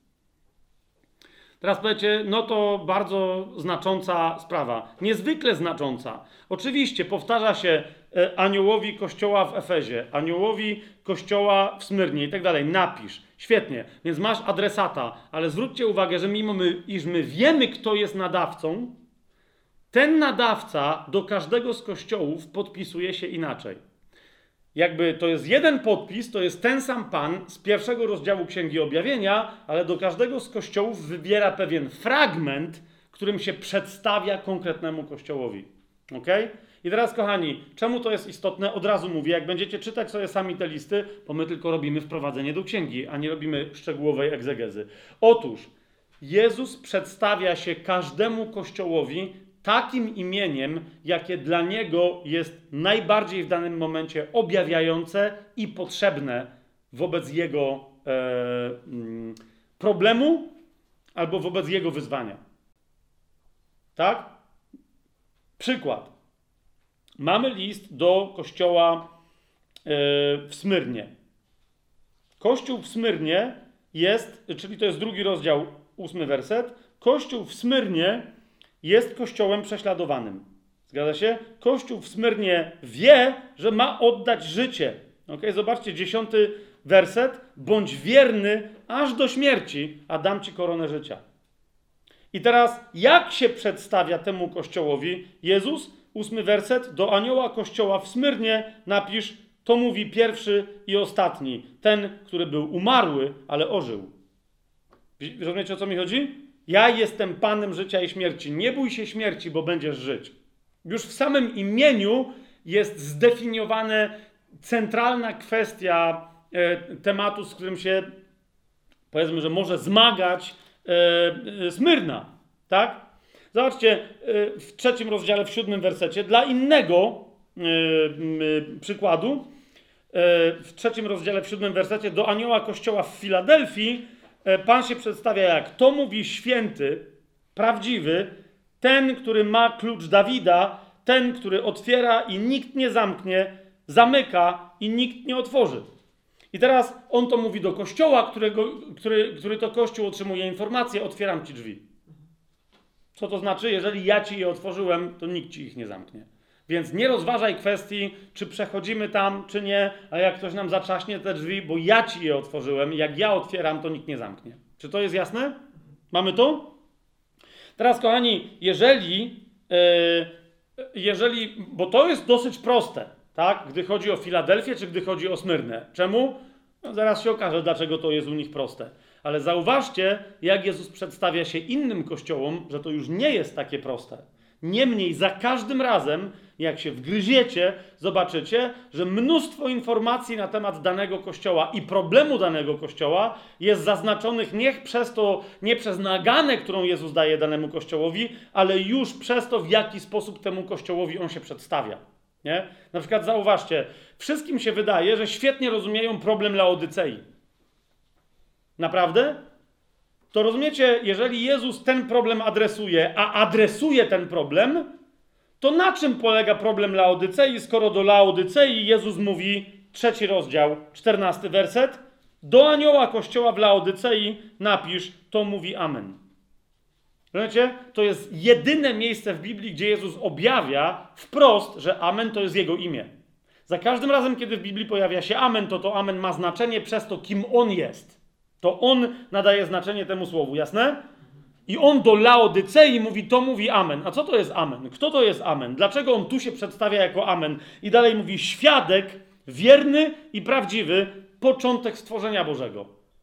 Czy wszystkie, aby na pewno te, te takie, wiecie, opowiastki o tym, co stanowi problem kościoła w Laodycei, no, że to jest kościół, który jest ciepły, ni to zimny, ni to gorący. A Jezus im się przedstawia jako lodówka? Albo jako piekarnik? Zauważcie, na co On im zwraca uwagę. Nie? Kim On jest, a kim oni prawdopodobnie nie są, skoro nie idą za Nim. Jakiego owocu oni nie przynoszą. Nie? Podobnie jak mamy, zauważcie, Kościół, trzeci rozdział, Pierwszy werset, kościół w Sardes. I wszyscy się koncentrują na tym, że Jezus do tego kościoła mówi: Znam Twoje uczynki. Zobaczcie, trzeci rozdział, pierwszy werset. Znam Twoje uczynki, że masz imię, które mówi, że żyjesz, ale jesteś martwy. I na tej podstawie, wiecie, jest cała masa teologii wymyślających, co stanowi problem tego kościoła. Ale zwróćcie uwagę, jak Jezus przedstawia się temu kościołowi. Nie mówi nic Zauważcie, nie mówi nic o życiu jako takim, ani o śmierci, na przykład tak jak mówi do Sardes, do Smyrny. Ale co im mówi? To mówi ten, który ma siedem duchów Boga i siedem gwiazd. Na czym polega ich duchowa śmierć? Rozumiecie o co mi idzie? Jeżeli on im pokazuje, kim on jest. On jest Panem strażników Kościoła i on jest tym, który ma Ducha Świętego, bo to są jego oczy. Kapujecie? jakby to powiedzieć? Powiem jedno zdanie, a potem niech, niech pójdą rozważania, niech się rozniesie falą po życie. To jest kościół charyzmatyczny. To nie, to nie jest kościół luterański, jak niektórzy mówią, jakiś tam strukturalny. To jest kościół charyzmatyczny, który z tego powodu ma problem związany z komfortem życia. Z tego powodu że sobie duchowo tłumaczy rzeczy, które nie są duchowe. To jest Kościół charyzmatyczny. Jezus mówi: Ja mam Ducha Świętego. I ja wiem, którzy to są prorocy, którzy przemawiają do Kościoła dla jego nawrócenia. A ty się szczycisz, że ty ich masz, twierdząc, że to jest życie, a to jest śmierć.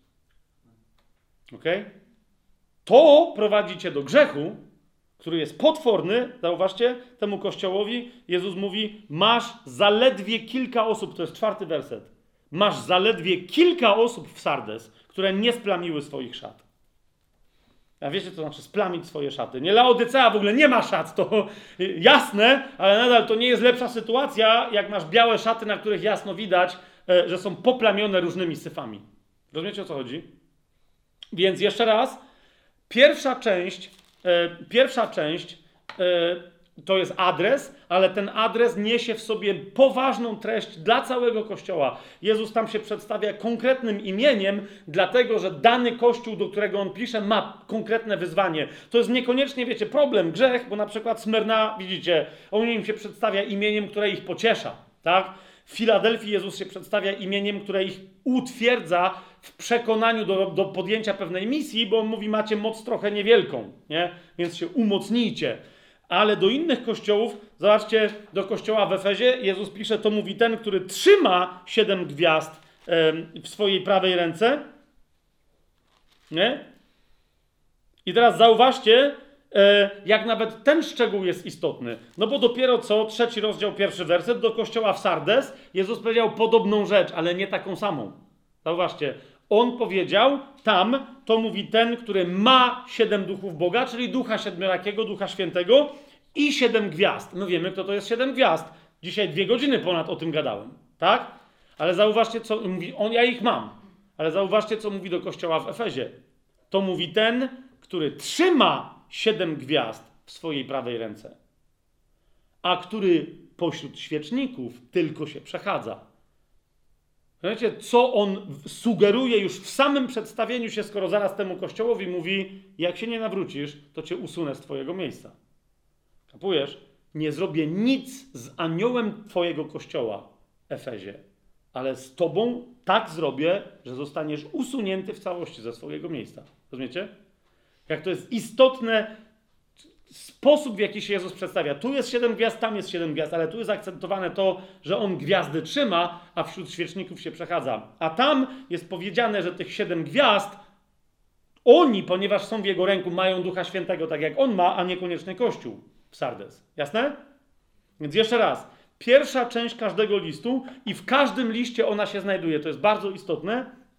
To jest adres ze stosownym imieniem pańskim dla danego kościoła, które niesie ze sobą znaczenie. Mamy to?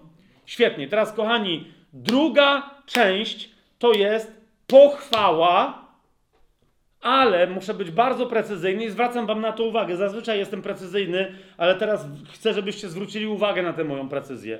To nie jest pochwała Kościoła, jak w wielu komentarzach znajdziecie tego typu wypowiedzi, że, że Jezus chwali Kościół. Jezus nie chwali Kościoła. Okej? Okay? I czemu ja to podkreślam? Bo jest istotne to, co on chwali. Jezus chwali, albo nie, bo jest jeden kościół właśnie, który nie dostaje żadnej pochwały, ale jeszcze raz, Jezus chwali tylko i wyłącznie uczynki. Ok? Do siedmiu kościołów Jezus powinien napisać, ale niestety pisze tylko do sześciu, bo jeden kościół sobie no, no, nie zaskarbił żadnej łaski na ten temat. Za każdym razem Jezus powtarza, zobaczcie drugi rozdział, drugi werset w tym wypadku, to jest. Yy, list do kościoła, do anioła kościoła w Efezie, znam Twoje uczynki. Widzicie to?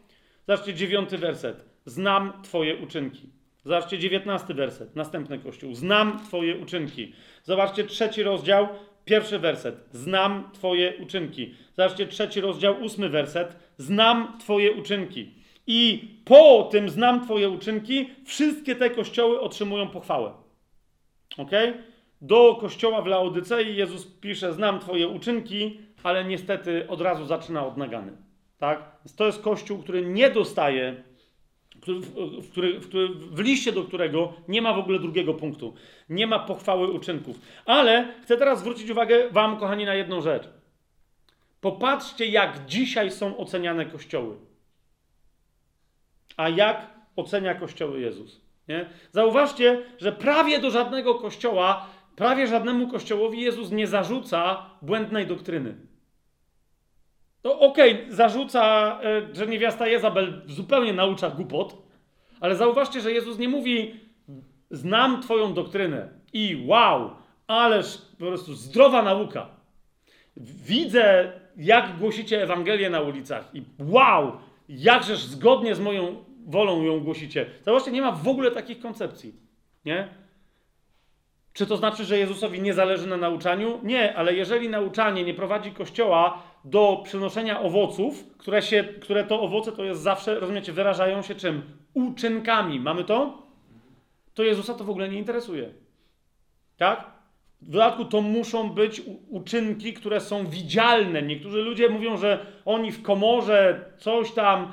Wszystko to, ja rozumiem, co, to, co Bóg widzi w komorze, to widzi w komorze, ale kochani, komora jest dla ciebie i dla mnie. Rozumiesz? I nie jest to twoja sprawa, to jest między mną a ojcem, co ja robię w komorze. Tak? Jak się modlę, jak poszczę i co ja innego robię. Ale Jezus do kościoła, każde z tych e, jego list się zaczyna pisz, do anioła tego napisz, to mówi ten i teraz każdy list de facto do kościoła zaczyna się znam twoje uczynki. Ale pamiętacie, ja już o tym mówiłem, Jezus mówi wyraźnie, widzę twoje uczynki. Widzę twoje uczynki. Widzę. I teraz, czy świat widzi wasze uczynki? Bo ja widzę, co świat widzi, co wy robicie. Ja też widzę, czego świat nie widzi, co wy robicie, ukrywając to pomiędzy sobą. Ale ja to wszystko, ja widzę wszystko, co wy robicie. Rozumiesz? To, tu nie chodzi o rzeczy, które ktoś sobie pomyślał w sercu, które coś tam, to są indywidualne odpowiedzialności. Natomiast Jezus mówi o rzeczach, które dla kogoś, rozumiecie, są widzialne także w kościele. Jezus mówi: Ja to widzę. Co wy robicie między sobą, albo co wy jako całość robicie na oczach całego świata. Ja to widzę, to co jawne i to co ukryte. Ja to wszystko widzę i to oceniam w, w jednym czy w drugim miejscu, nie będziemy teraz to wchodzić, w ty, na, czy w jednym, w drugim, w trzecim i w czwartym, Jezus sugeruje, że doktrynę to wy w zasadzie macie ok. Co z tego, skoro wy nią nie żyjecie? Możecie się nią popisywać przed całym światem. Inna rzecz, że kiedy Jezus mówi o zachowywaniu Jego słowa, to zawsze Jezus dodaje typu zachowaliście słowo mojej cierpliwości na przykład i tak dalej, a nie mówi po prostu o zachowywaniu mojego słowa. Rozumiecie o co idzie? Jezus nikogo, zauważcie, w żadnym pokoleniu de facto nie rozlicza ze zdrowej doktryny. I teraz kto to mówi? Chłop, który 15 sezon właśnie prowadzi tajemny plan i zasadniczo zajmuje się nauczaniem. Ale jeszcze raz, kochani, my w kółko musimy sobie co przypominać. E, otwórzmy sobie drugi list do, do Tymoteusza.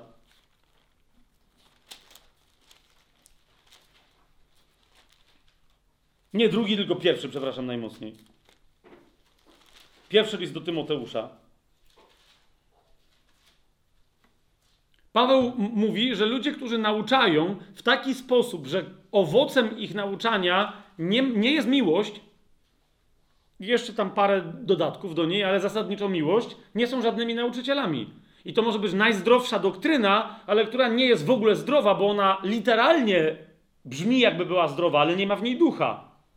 Popatrzcie, w pierwszym do Tymoteusza, w pierwszym rozdziale, od piątego wersetu, co mówi, yy, co mówi Paweł. Końcem przekazania, więc tu masz pierwsze, końcem przekazania jest miłość płynąca z czystego serca, z prawego sumienia i wiary nieobłudnej.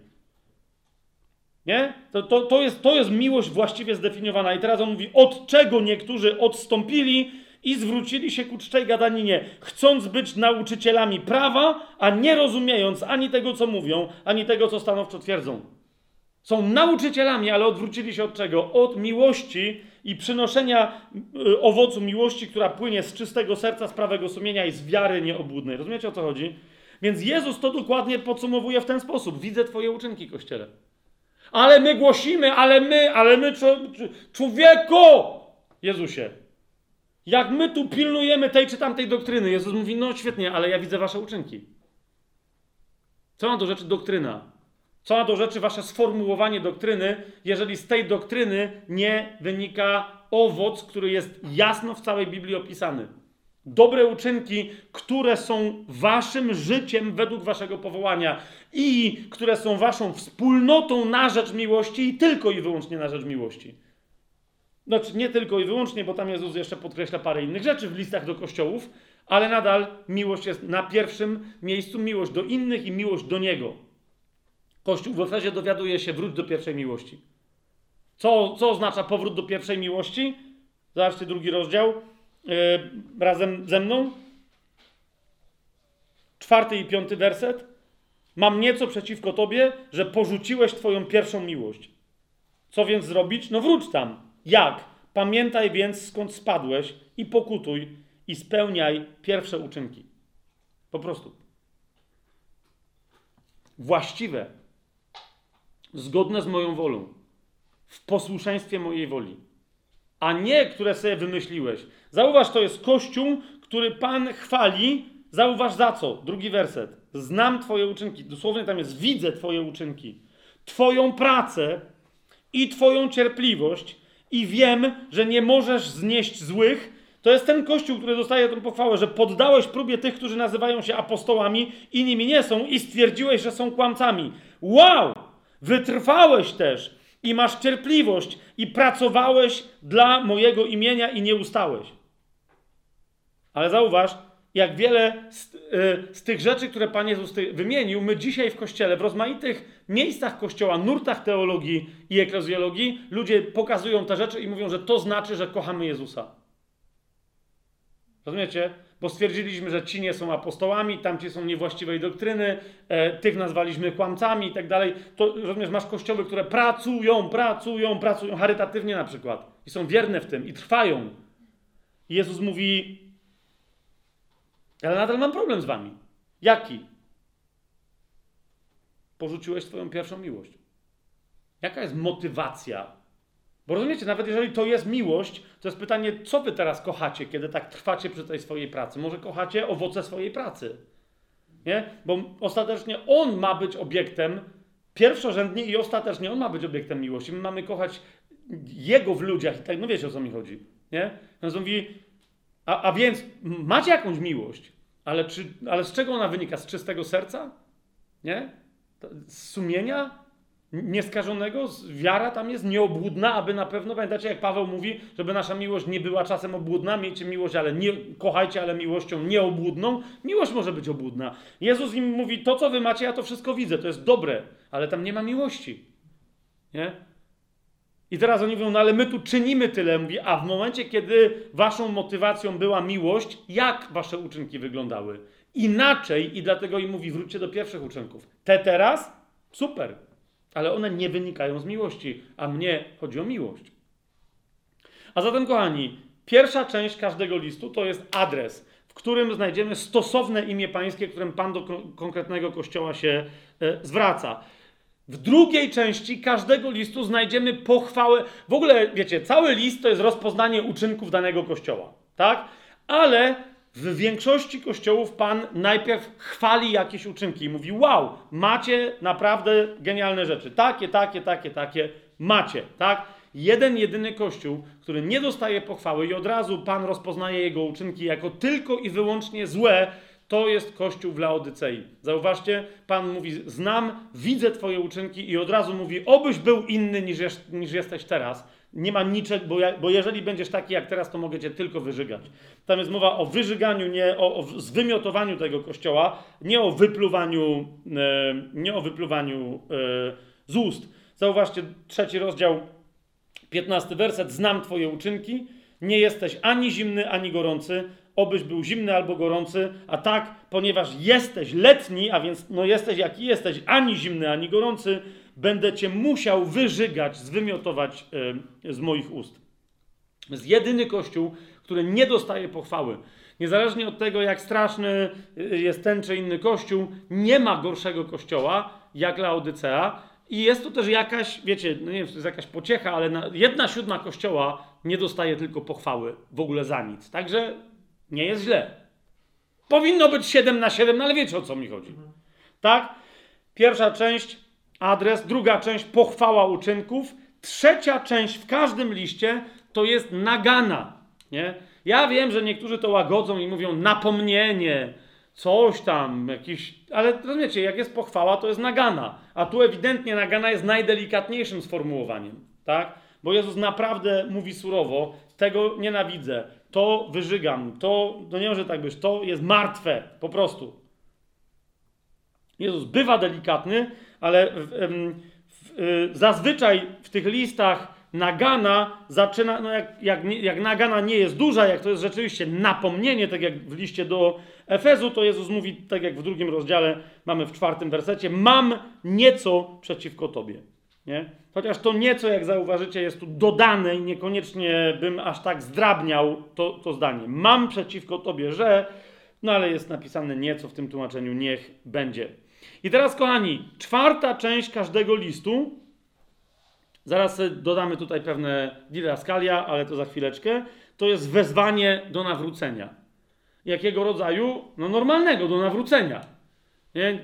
Czasem słyszę, że tam jest, że każdy kościół dostaje jakąś tam specjalną ścieżkę. No, jak wie, z czego się ma nawrócić, to tak, ale zasadniczo Jezus wzywa pokutuj. I tyle. Zobaczcie, całe wezwanie do nawrócenia w kościele, e, jak się Jezus zwraca do kościoła w Efezie, no jest takie rozbudowane, tak? Pamiętaj więc skąd spadłeś i pokutuj i spełniaj pierwsze uczynki, tak? Natomiast w, w, w, w liście do Smyrny akurat nie ma tej części listu, bo tam nie ma też nagany, ale gdzie indziej znajdziecie tylko i wyłącznie pokutuj. Tylko tyle. Po prostu pokutuj, nawróć się. Nie? I to jest przekaz do całego kościoła, gdyż nawrócenie, metanoja kościoła jest czymś bardzo konkretnym, o czym my powinniśmy, z czego powinniśmy sobie zdawać sprawę i co powinniśmy po kościołach nauczać. Nawrócenie, które prowadzi do nowonarodzenia, to jest jedno. Yy, i to jest w ogóle inne zjawisko niż to, że ktoś nowonarodzony nadal potrzebuje się nawracać. Na przykład w czym? W sposobie swojego myślenia. Tak? W swoim umyśle powinien zmieniać się. Otrzymaliśmy nowe serce i nowego ducha, ale nie mamy nowych umysłów. I, I, to jest nasz, to jest nieustanne pole naszego nawracania się i naszej metanoi, przemienianie swojego myślenia. Zasadniczo metanoja oznacza zmianę sposobu myślenia. Tak? Bo ono się składa, metanoja E, składa się z dwóch części. Ten grecki wyraz meta, czyli, czyli coś przesunięcie czegoś w nowy stan, w nowe miejsce, a noja pochodzi od słowa nous, czyli umysł, tak? duchowy umysł, racjonalny umysł, więc to jest przesunięcie umysłu w inne miejsce, na nowy poziom, na, do, do nowego e, sposobu myślenia. Pierwsza część, jeszcze raz powtórzę, adres ze stosownym imieniem Pana, którym on się przedstawia Kościołowi. Druga część to jest pochwała uczynków danego Kościoła. Trzecia część to jest nagana, okay? albo napomnienie yy, ze względu na jakieś uczynki, które mają miejsce w danym Kościele lub którymi niestety się dany Kościół legitymuje przed Panem, bo on je widzi. Tak? Czwarta część to jest wezwanie do nawrócenia. I teraz uważajcie, kochani, bardzo istotna piąta część. Piąta część. Mianowicie przed e, ostatnimi częściami Jezus zawsze do kościołów, do których mówi, nawróć się, mówi im, co się stanie, kiedy się nie nawrócą. Tak? To są konsekwencje nienawrócenia. To jest bardzo ważna rzecz, e, której nam w ogóle brakuje w, dzisiaj wszędzie w kościele E, od jakichś 50 lat ja miałem wrażenie, że to się stało niemodne, przeklęte.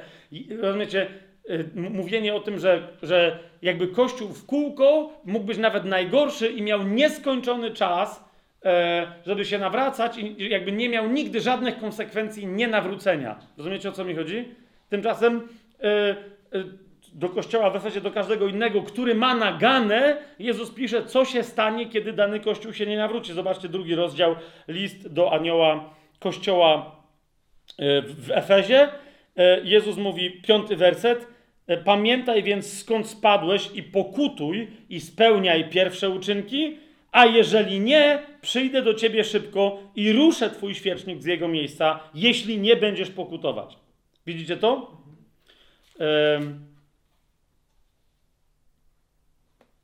Trzeci rozdział, trzeci werset, inny przykład, taki dosyć y, wyraźny. List do anioła kościoła w Sardes. Trzeci rozdział, trzeci werset. Pamiętaj zatem, jak otrzymałeś i usłyszałeś, i strzeż tego i pokutuj. A jeżeli czuwać nie będziesz, przyjdę do ciebie jak złodziej i tak dalej. Widzicie to? Świetnie. I teraz, kochani, ostatnie dwie części, bo piąta część to jest bardzo wyraźnie kara w razie braku nawrócenia danego kościoła, która spadnie na cały kościół. Jasne to jest?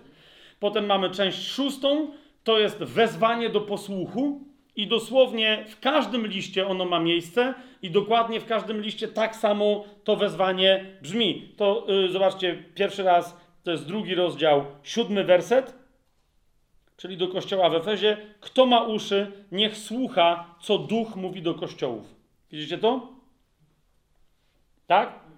Jedenasty werset, kto ma uszy, niech słucha, co duch mówi do kościołów. Siedemnasty werset, kto ma uszy, niech słucha, co duch mówi yy, do kościołów. Dwudziesty dziewiąty werset, kto ma uszy, niech słucha, co duch mówi do kościołów.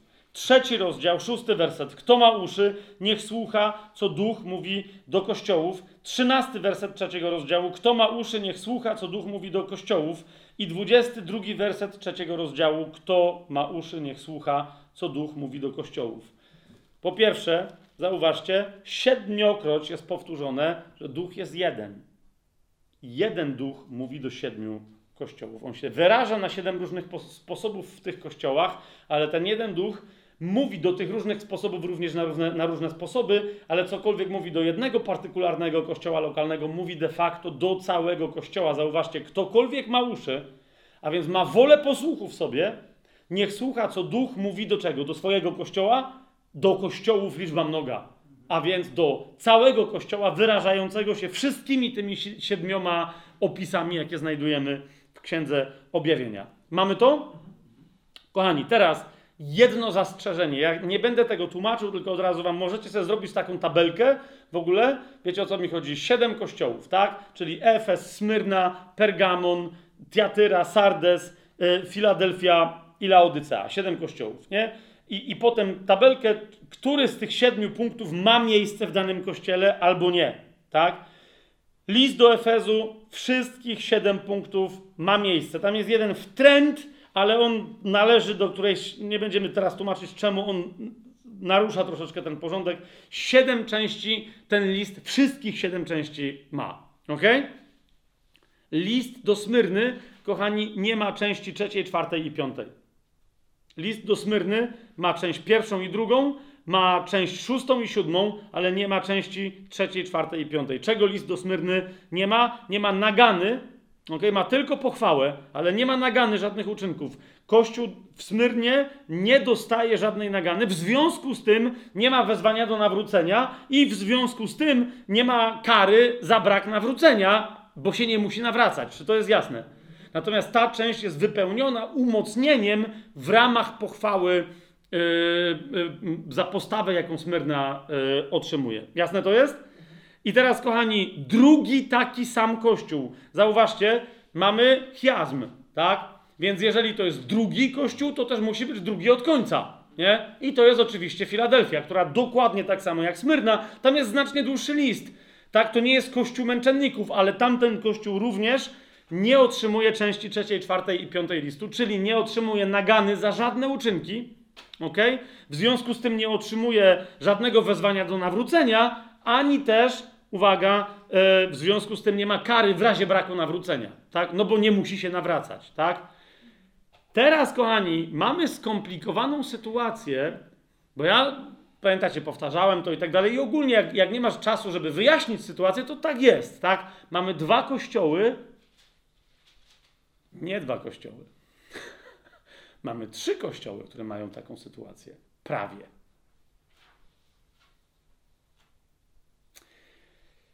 Rzecz jasna, zawsze będzie problem z kościołem środkowym. No nie? Albo nie. On jest w samym środku i on jest dziwny. To jest mianowicie kościół w Teatyrze. Otóż, kochani, e, bardzo interesująca rzecz, ale w tym kościele e, część kościoła, jakby w tym kościele, kościół w Teatyrze, cały, inaczej, cały kościół otrzymuje pierwszą, drugą, trzecią li, część listu. Tak? Oraz szóstą i siódmą. Natomiast, gdy, cho gdy chodzi o czwartą i piątą, mamy tam pewien problem, ponieważ Jezus jakby roz, rozdwaja ten kościół. Nie? I nakazuje nawrócenie, mówi, jak ono może wyglądać, oraz jaka będzie kara, jak się ktoś nie nawróci. Części kościoła, a części nie mówi, żeby się nawrócili, tylko żeby, żeby się nie mieszali. Że teraz on się czymś zajmie. Nie? Więc tu jest bardziej złożona historia w tym liście. Zobaczcie, w Teatyrze, kochani, e, list do kościoła. Kościół w Teatyrze w ogóle dostaje piękną pochwałę. Spójrzcie, to jest drugi rozdział, osiemnasty werset, e, przepraszam, dziewiętnasty werset. Zauważcie, co mówi Kościołowi w Teatyrze. Przecież to jest genialne. Tak? Znam Twoje uczynki, widzę Twoje uczynki i miłość. Ok? Widzę Twoje uczynki i miłość, i służbę, i wiarę, i Twoją cierpliwość, i wynikające z nich uczynki. Widzę wszystkie Twoje uczynki, ale zwłaszcza te uczynki. Rozumiecie, genialne powtórzenie. I wiem, że ostatnich rzeczy jest nawet jeszcze więcej niż pierwszych. Zauważcie, jak to jest odwrotnie niż w Efezie. Rozwijacie się w tym, nie? I taki kościół miałby dostać naganę. Zwróćcie uwagę, za co dostaje naganę. Nie za coś, co robi złego, ale za coś, co toleruje w swoim środku. Okay? Nie dostaje nagany za uczynki, ale za tolerowanie złych czynów wewnątrz siebie kogoś, kto prawdopodobnie nie jest Kościołem. Ale mam nieco przeciwko tobie, i tu rzeczywiście jest nieco, jest zdrobnienie. W 20 wersecie Kościół w Teatrze dowiaduje się, mam nieco przeciwko tobie, że mianowicie kobiecie Jezabel, która nazywa siebie prorokinią, pozwalasz nauczać i zwodzić moje sługi, żeby uprawiali nierząd i jedli ofiary składane bożkom.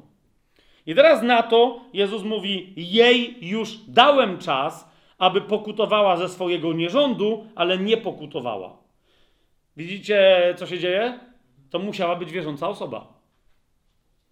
Ona dostała wyraźnie wezwanie do pokuty, tak jak we wszystkich innych miejscach całe kościoły dostają. Ona tu jedna, jedyna dostała odwrotnie niż we wszystkich innych kościołach. Tam kościoły dowiadują się, pokutujcie. Tu ona się już dowiedziała. I co Jezus mówi? Nie pokutowała. W związku z tym jej nie mówi, co się stanie, jak ona nie będzie pokutować, tylko mówi, ona już miała czas i ten czas się skończył. Skoro nie pokutowała, to się stanie dokładnie to, co jej prawdopodobnie Jezus powiedział, że się stanie. To się właśnie teraz stanie. Czyli co? Oto rzucę ją na łoże. Tak?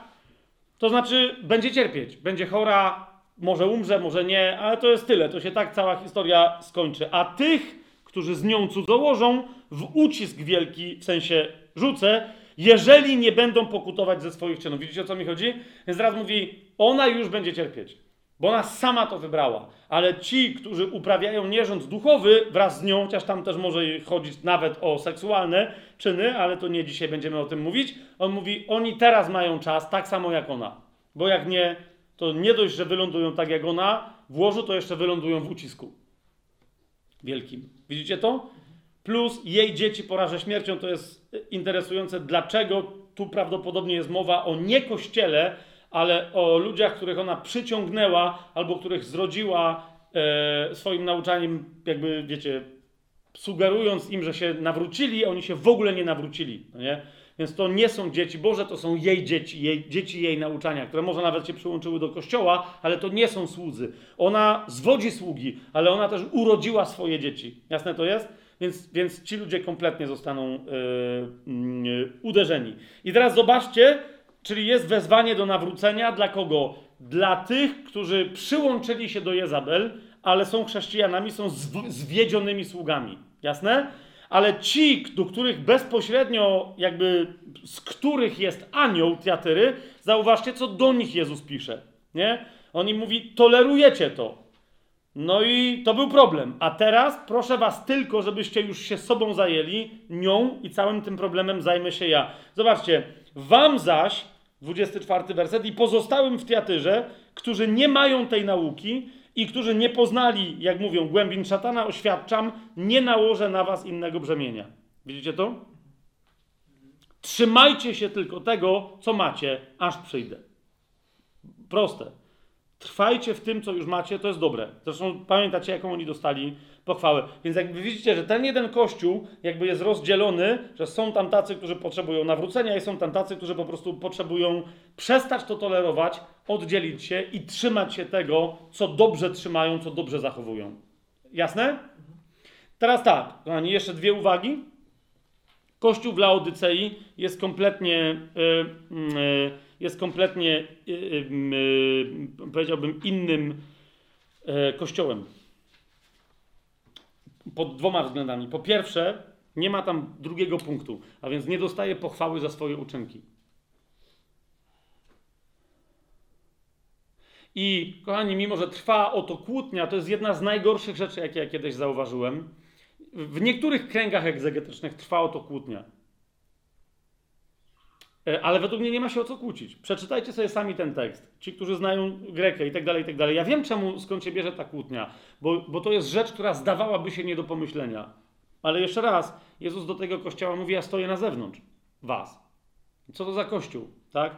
Otóż, kochani, ten kościół nie tylko nie otrzymuje pochwały za żadne swoje uczynki, ale druga, bardzo istotna rzecz, mimo że ma wezwanie do nawrócenia, to jest kościół, który nie otrzymuje informacje na temat kary, gdyby się nie nawrócił. Zwróćcie uwagę na to. nawróć się, bo jeżeli nie, to coś tam się stanie. Zauważcie tutaj, nie ma w ogóle takiej informacji. Radzę ci kupić u mnie złota. Niektórzy powiadają, nie, nieprawda, tutaj nastąpiła e, zmiana miejsc. Jezus mówi, że jeżeli się oni nawrócą, to on ich nie wypluje z ust. Zastanów się, jaki kościół ma miejsce w ustach Jezusa. Co, co on tam robi, tak? E, Jezus jest, y, Kościół ma być częścią ciała Jezusa, a nie czymś, co Jezus je. Rozumiesz? Czego jeszcze nie spożył, żeby nie mówić o tym, że nie strawił. Więc e, niektórzy mówią, że w trzecim rozdziale, e, w szesnastym wersecie, ta groźba, bądź taki albo inny, albo wypluje cię z moich ust. Więc, że tu jest założenie, że ale jeżeli staniesz się ciepły lub gorący, to cię nie wypluje. Je- Jeszcze raz, według mnie, w żaden sposób, nie tylko według mnie, bo co ja tu jestem jakiś mądry, ale w żaden sposób nie spełnia ten fragment, rozumiecie, e, e, ym, warunku, e, po pierwsze, co się stanie, kiedy się nie nawrócisz, bo tu nie ma mowy, jak Jezus mówi, obyś był, lepiej by było dla ciebie, żebyś był zimny lub gorący, to nie, Jezus nie mówi, nawróć się, abyś był zimny lub gorący, nie wiem, czy rozumiecie. Jezus tego w ogóle nie mówi, tylko mówi, lepiej był, żeby było dla ciebie, żebyś był lodowaty albo gorący. Jezus mówi, było, mówi, byłoby mi łatwiej cię utrzymać w ustach, rozumiesz? Coś lodowatego albo coś rozżarzonego. Jezus mówi, byłoby mi to łatwiej utrzymać niż ciebie, mdły kościele. Nie? Letni kościele. Więc, ale Jezus nie mówi stań się, tylko obyś był, bo inaczej będę muś, nie utrzymam cię w ustach. Natomiast nawrócenie, jakie Jezus wskazuje dalej, ono o innych rzeczach mówi. Ono się pojawia dopiero w 18 wersecie. Mówi: Radzę ci kupić u mnie złota w ogniu wypróbowanego, abyś się wzbogacił, i białe szaty, abyś się ubrał i żeby nie ujawniła się hańba twojej nagości, a swoje oczy namaść maścią, abyś widział. I zauważ, po tym czymś nie ma, jeżeli tego nie zrobisz, to ja ci coś zrobię. Pomyślcie dlaczego. Bo jednak większość egzegetów mówi naprawdę, tutaj nie ma piątego punktu. Nie ma kary w wypadku nienawrócenia.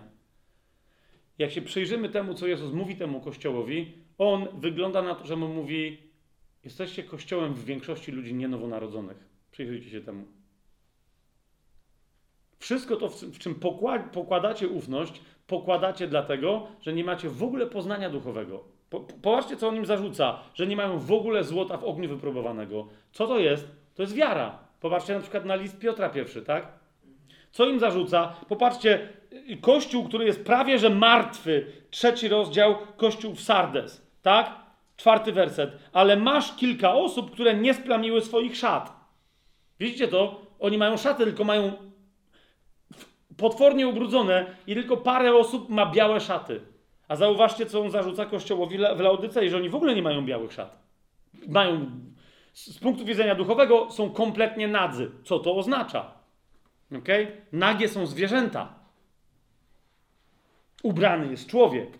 Ubrane jest nowe stworzenie w białe szaty, gotowe na, yy, na wesele. Tu jest sugestia, że oni w ogóle nie mają szat. Że, jeszcze raz, wiele osób uważa, że to oznacza nie nowonarodzenie. No i mają oczy, e, które trzeba dopiero namaścią, namaścić maścią, aby widzieli. Ok? Znowu dla wielu komentatorów oni mówią, e, to jest bezpośrednie nawiązanie do tego, o czym też mówi Paweł. On mówi, że dla tych wszystkich, którzy są pod Starym Przymierzem, ok? Dla nich wszystkich zasłona cały czas jest zasłonięta i nic nie widzą. Pamiętacie to? Do Koryntian jak pisze. A mówi, my dopiero mamy poznanie i widzimy. Nie? I patrzymy i oglądamy twarzą w twarz. Tak? A Jezus im mówi, wy nic nie widzicie. Jesteście ślepi, jesteście goli, jesteście biedni. Rozumiesz, Jezus posługuje się wszystkimi tymi terminami skondens, w skondensowanej liście, które normalnie na przykład w Księdze Psalmów oznaczają człowieka niezbawionego w żaden sposób, który nawet nie ma pojęcia o zbawieniu, że ono może nastąpić, a Jezus mówi, a wam się wydaje, że jesteście najbardziej zbawieni z wszystkich, ponieważ dowody na to znajdujecie w rzeczywistości, która nie ma związku z duchem.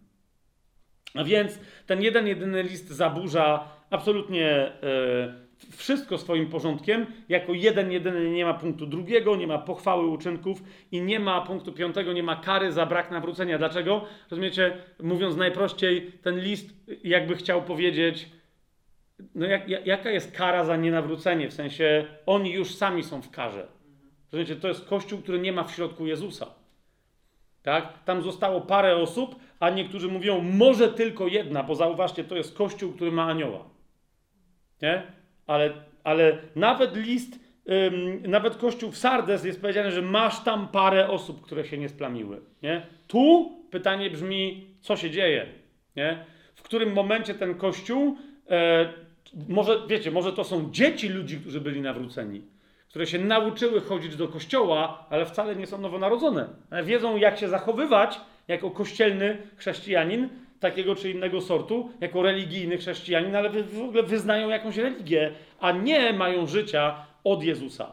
Czy to jest jasne? Kochani, dziś na tym. Yy, aha, jeszcze jedną tylko rzecz powiem i, i, i wtedy skończymy. Ponieważ oczywiście zauważycie jedną, powinniście zauważyć jedną inwersję, ale o jej znaczeniu dzisiaj nie będę w żaden sposób yy, mówić. Mianowicie pierwszy, drugi i trzeci list mają szósty i siódmy punkt, tak jak go podałem, tak? Czyli jest wezwanie do posłuchu, to jest szósty punkt, i ostatnia część to jest obietnica nagrody dla tego, kto zwycięży lub kto jest, kto jest zwycięzcą, lub dla, tak zwanego przezwycięzcy w slangu i, i w dialekcie tajemnoplanowym.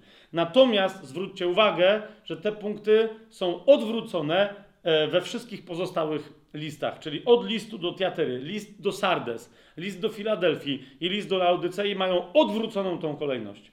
Tak? Czyli Jezus najpierw mówi o nagrodzie dla zwycięzcy, a potem dopiero mówi, kto ma uszy, niech słucha, co Duch mówi do kościołów. Jasne? Więc tam to się odwraca. Dlaczego tak się dzieje w, w tych, w tych czterech e, ostatnich kościołach? E, niektórzy nazywają je kościołami zstępowania, bo wiecie, są od Efezu e, trzy kościoły, tak? Od Efezu e, na mapie idą na północ, a reszta potem schodzi na, e, na południe. Nie? Więc niektórzy je nazywają kościołami zstępowania i tam jest odwrócona ta kolejność.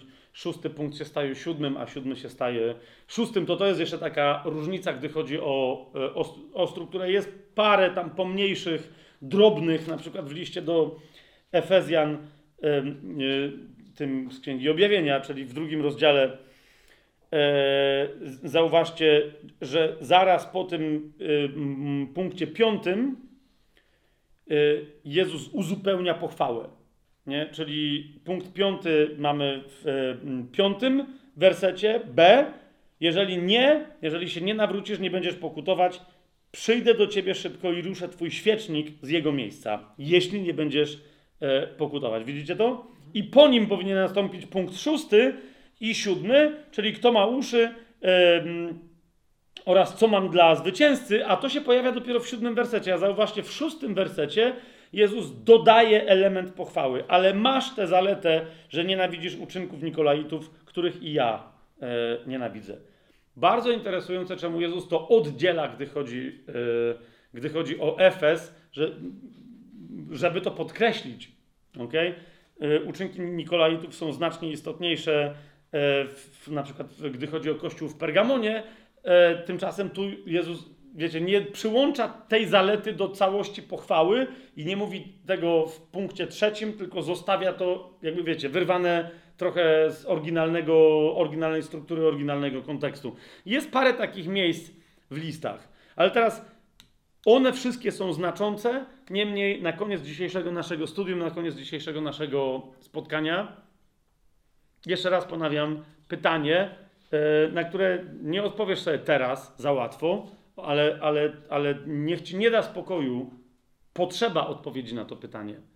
Aniołem, czy jesteś aniołem jakiegoś kościoła? Nie musisz być.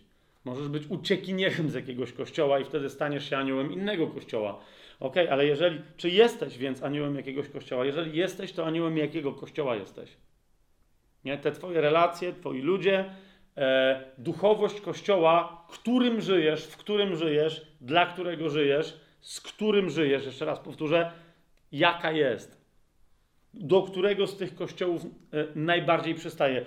Być może będzie potrzeba, żeby sobie ułatwić opis grzechów, opis cech pozytywnych, za co Pan Jezus te kościoły chwali, za co de facto je gani, bo bardzo łatwo jest, wiecie, czytając to sobie wymyślać historię, nie? A znowu, Jezus tu jest bardzo praktyczny, bardzo konkretny.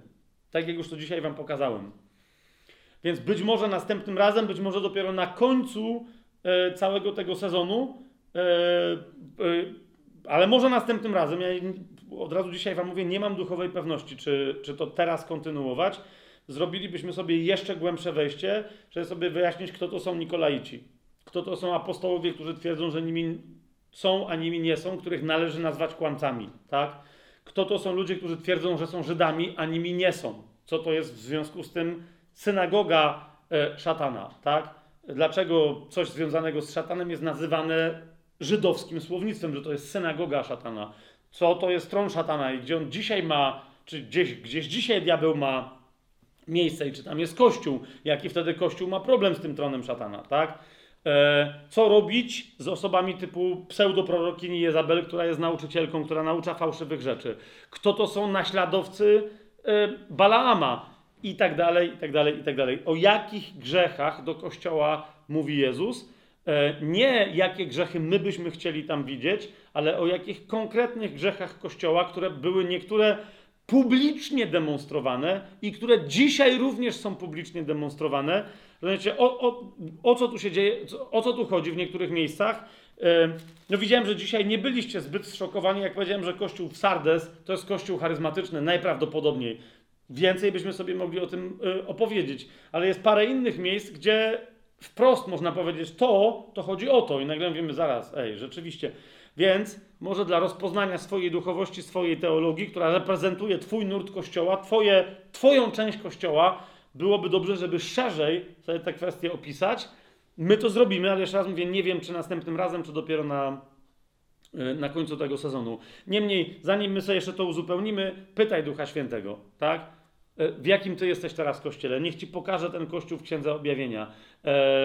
Nawet jeżeli jesteś w kościele w Smyrnie czy w Filadelfii, nadal zwróć uwagę, że masz pewne zobowiązania. Tak? Jezus do tych kościołów też nie mówi, jest super, już nic nie musicie robić, tylko mówi, w czym mają wytrwać, co mają zachować. Rozumiecie, o co mi idzie?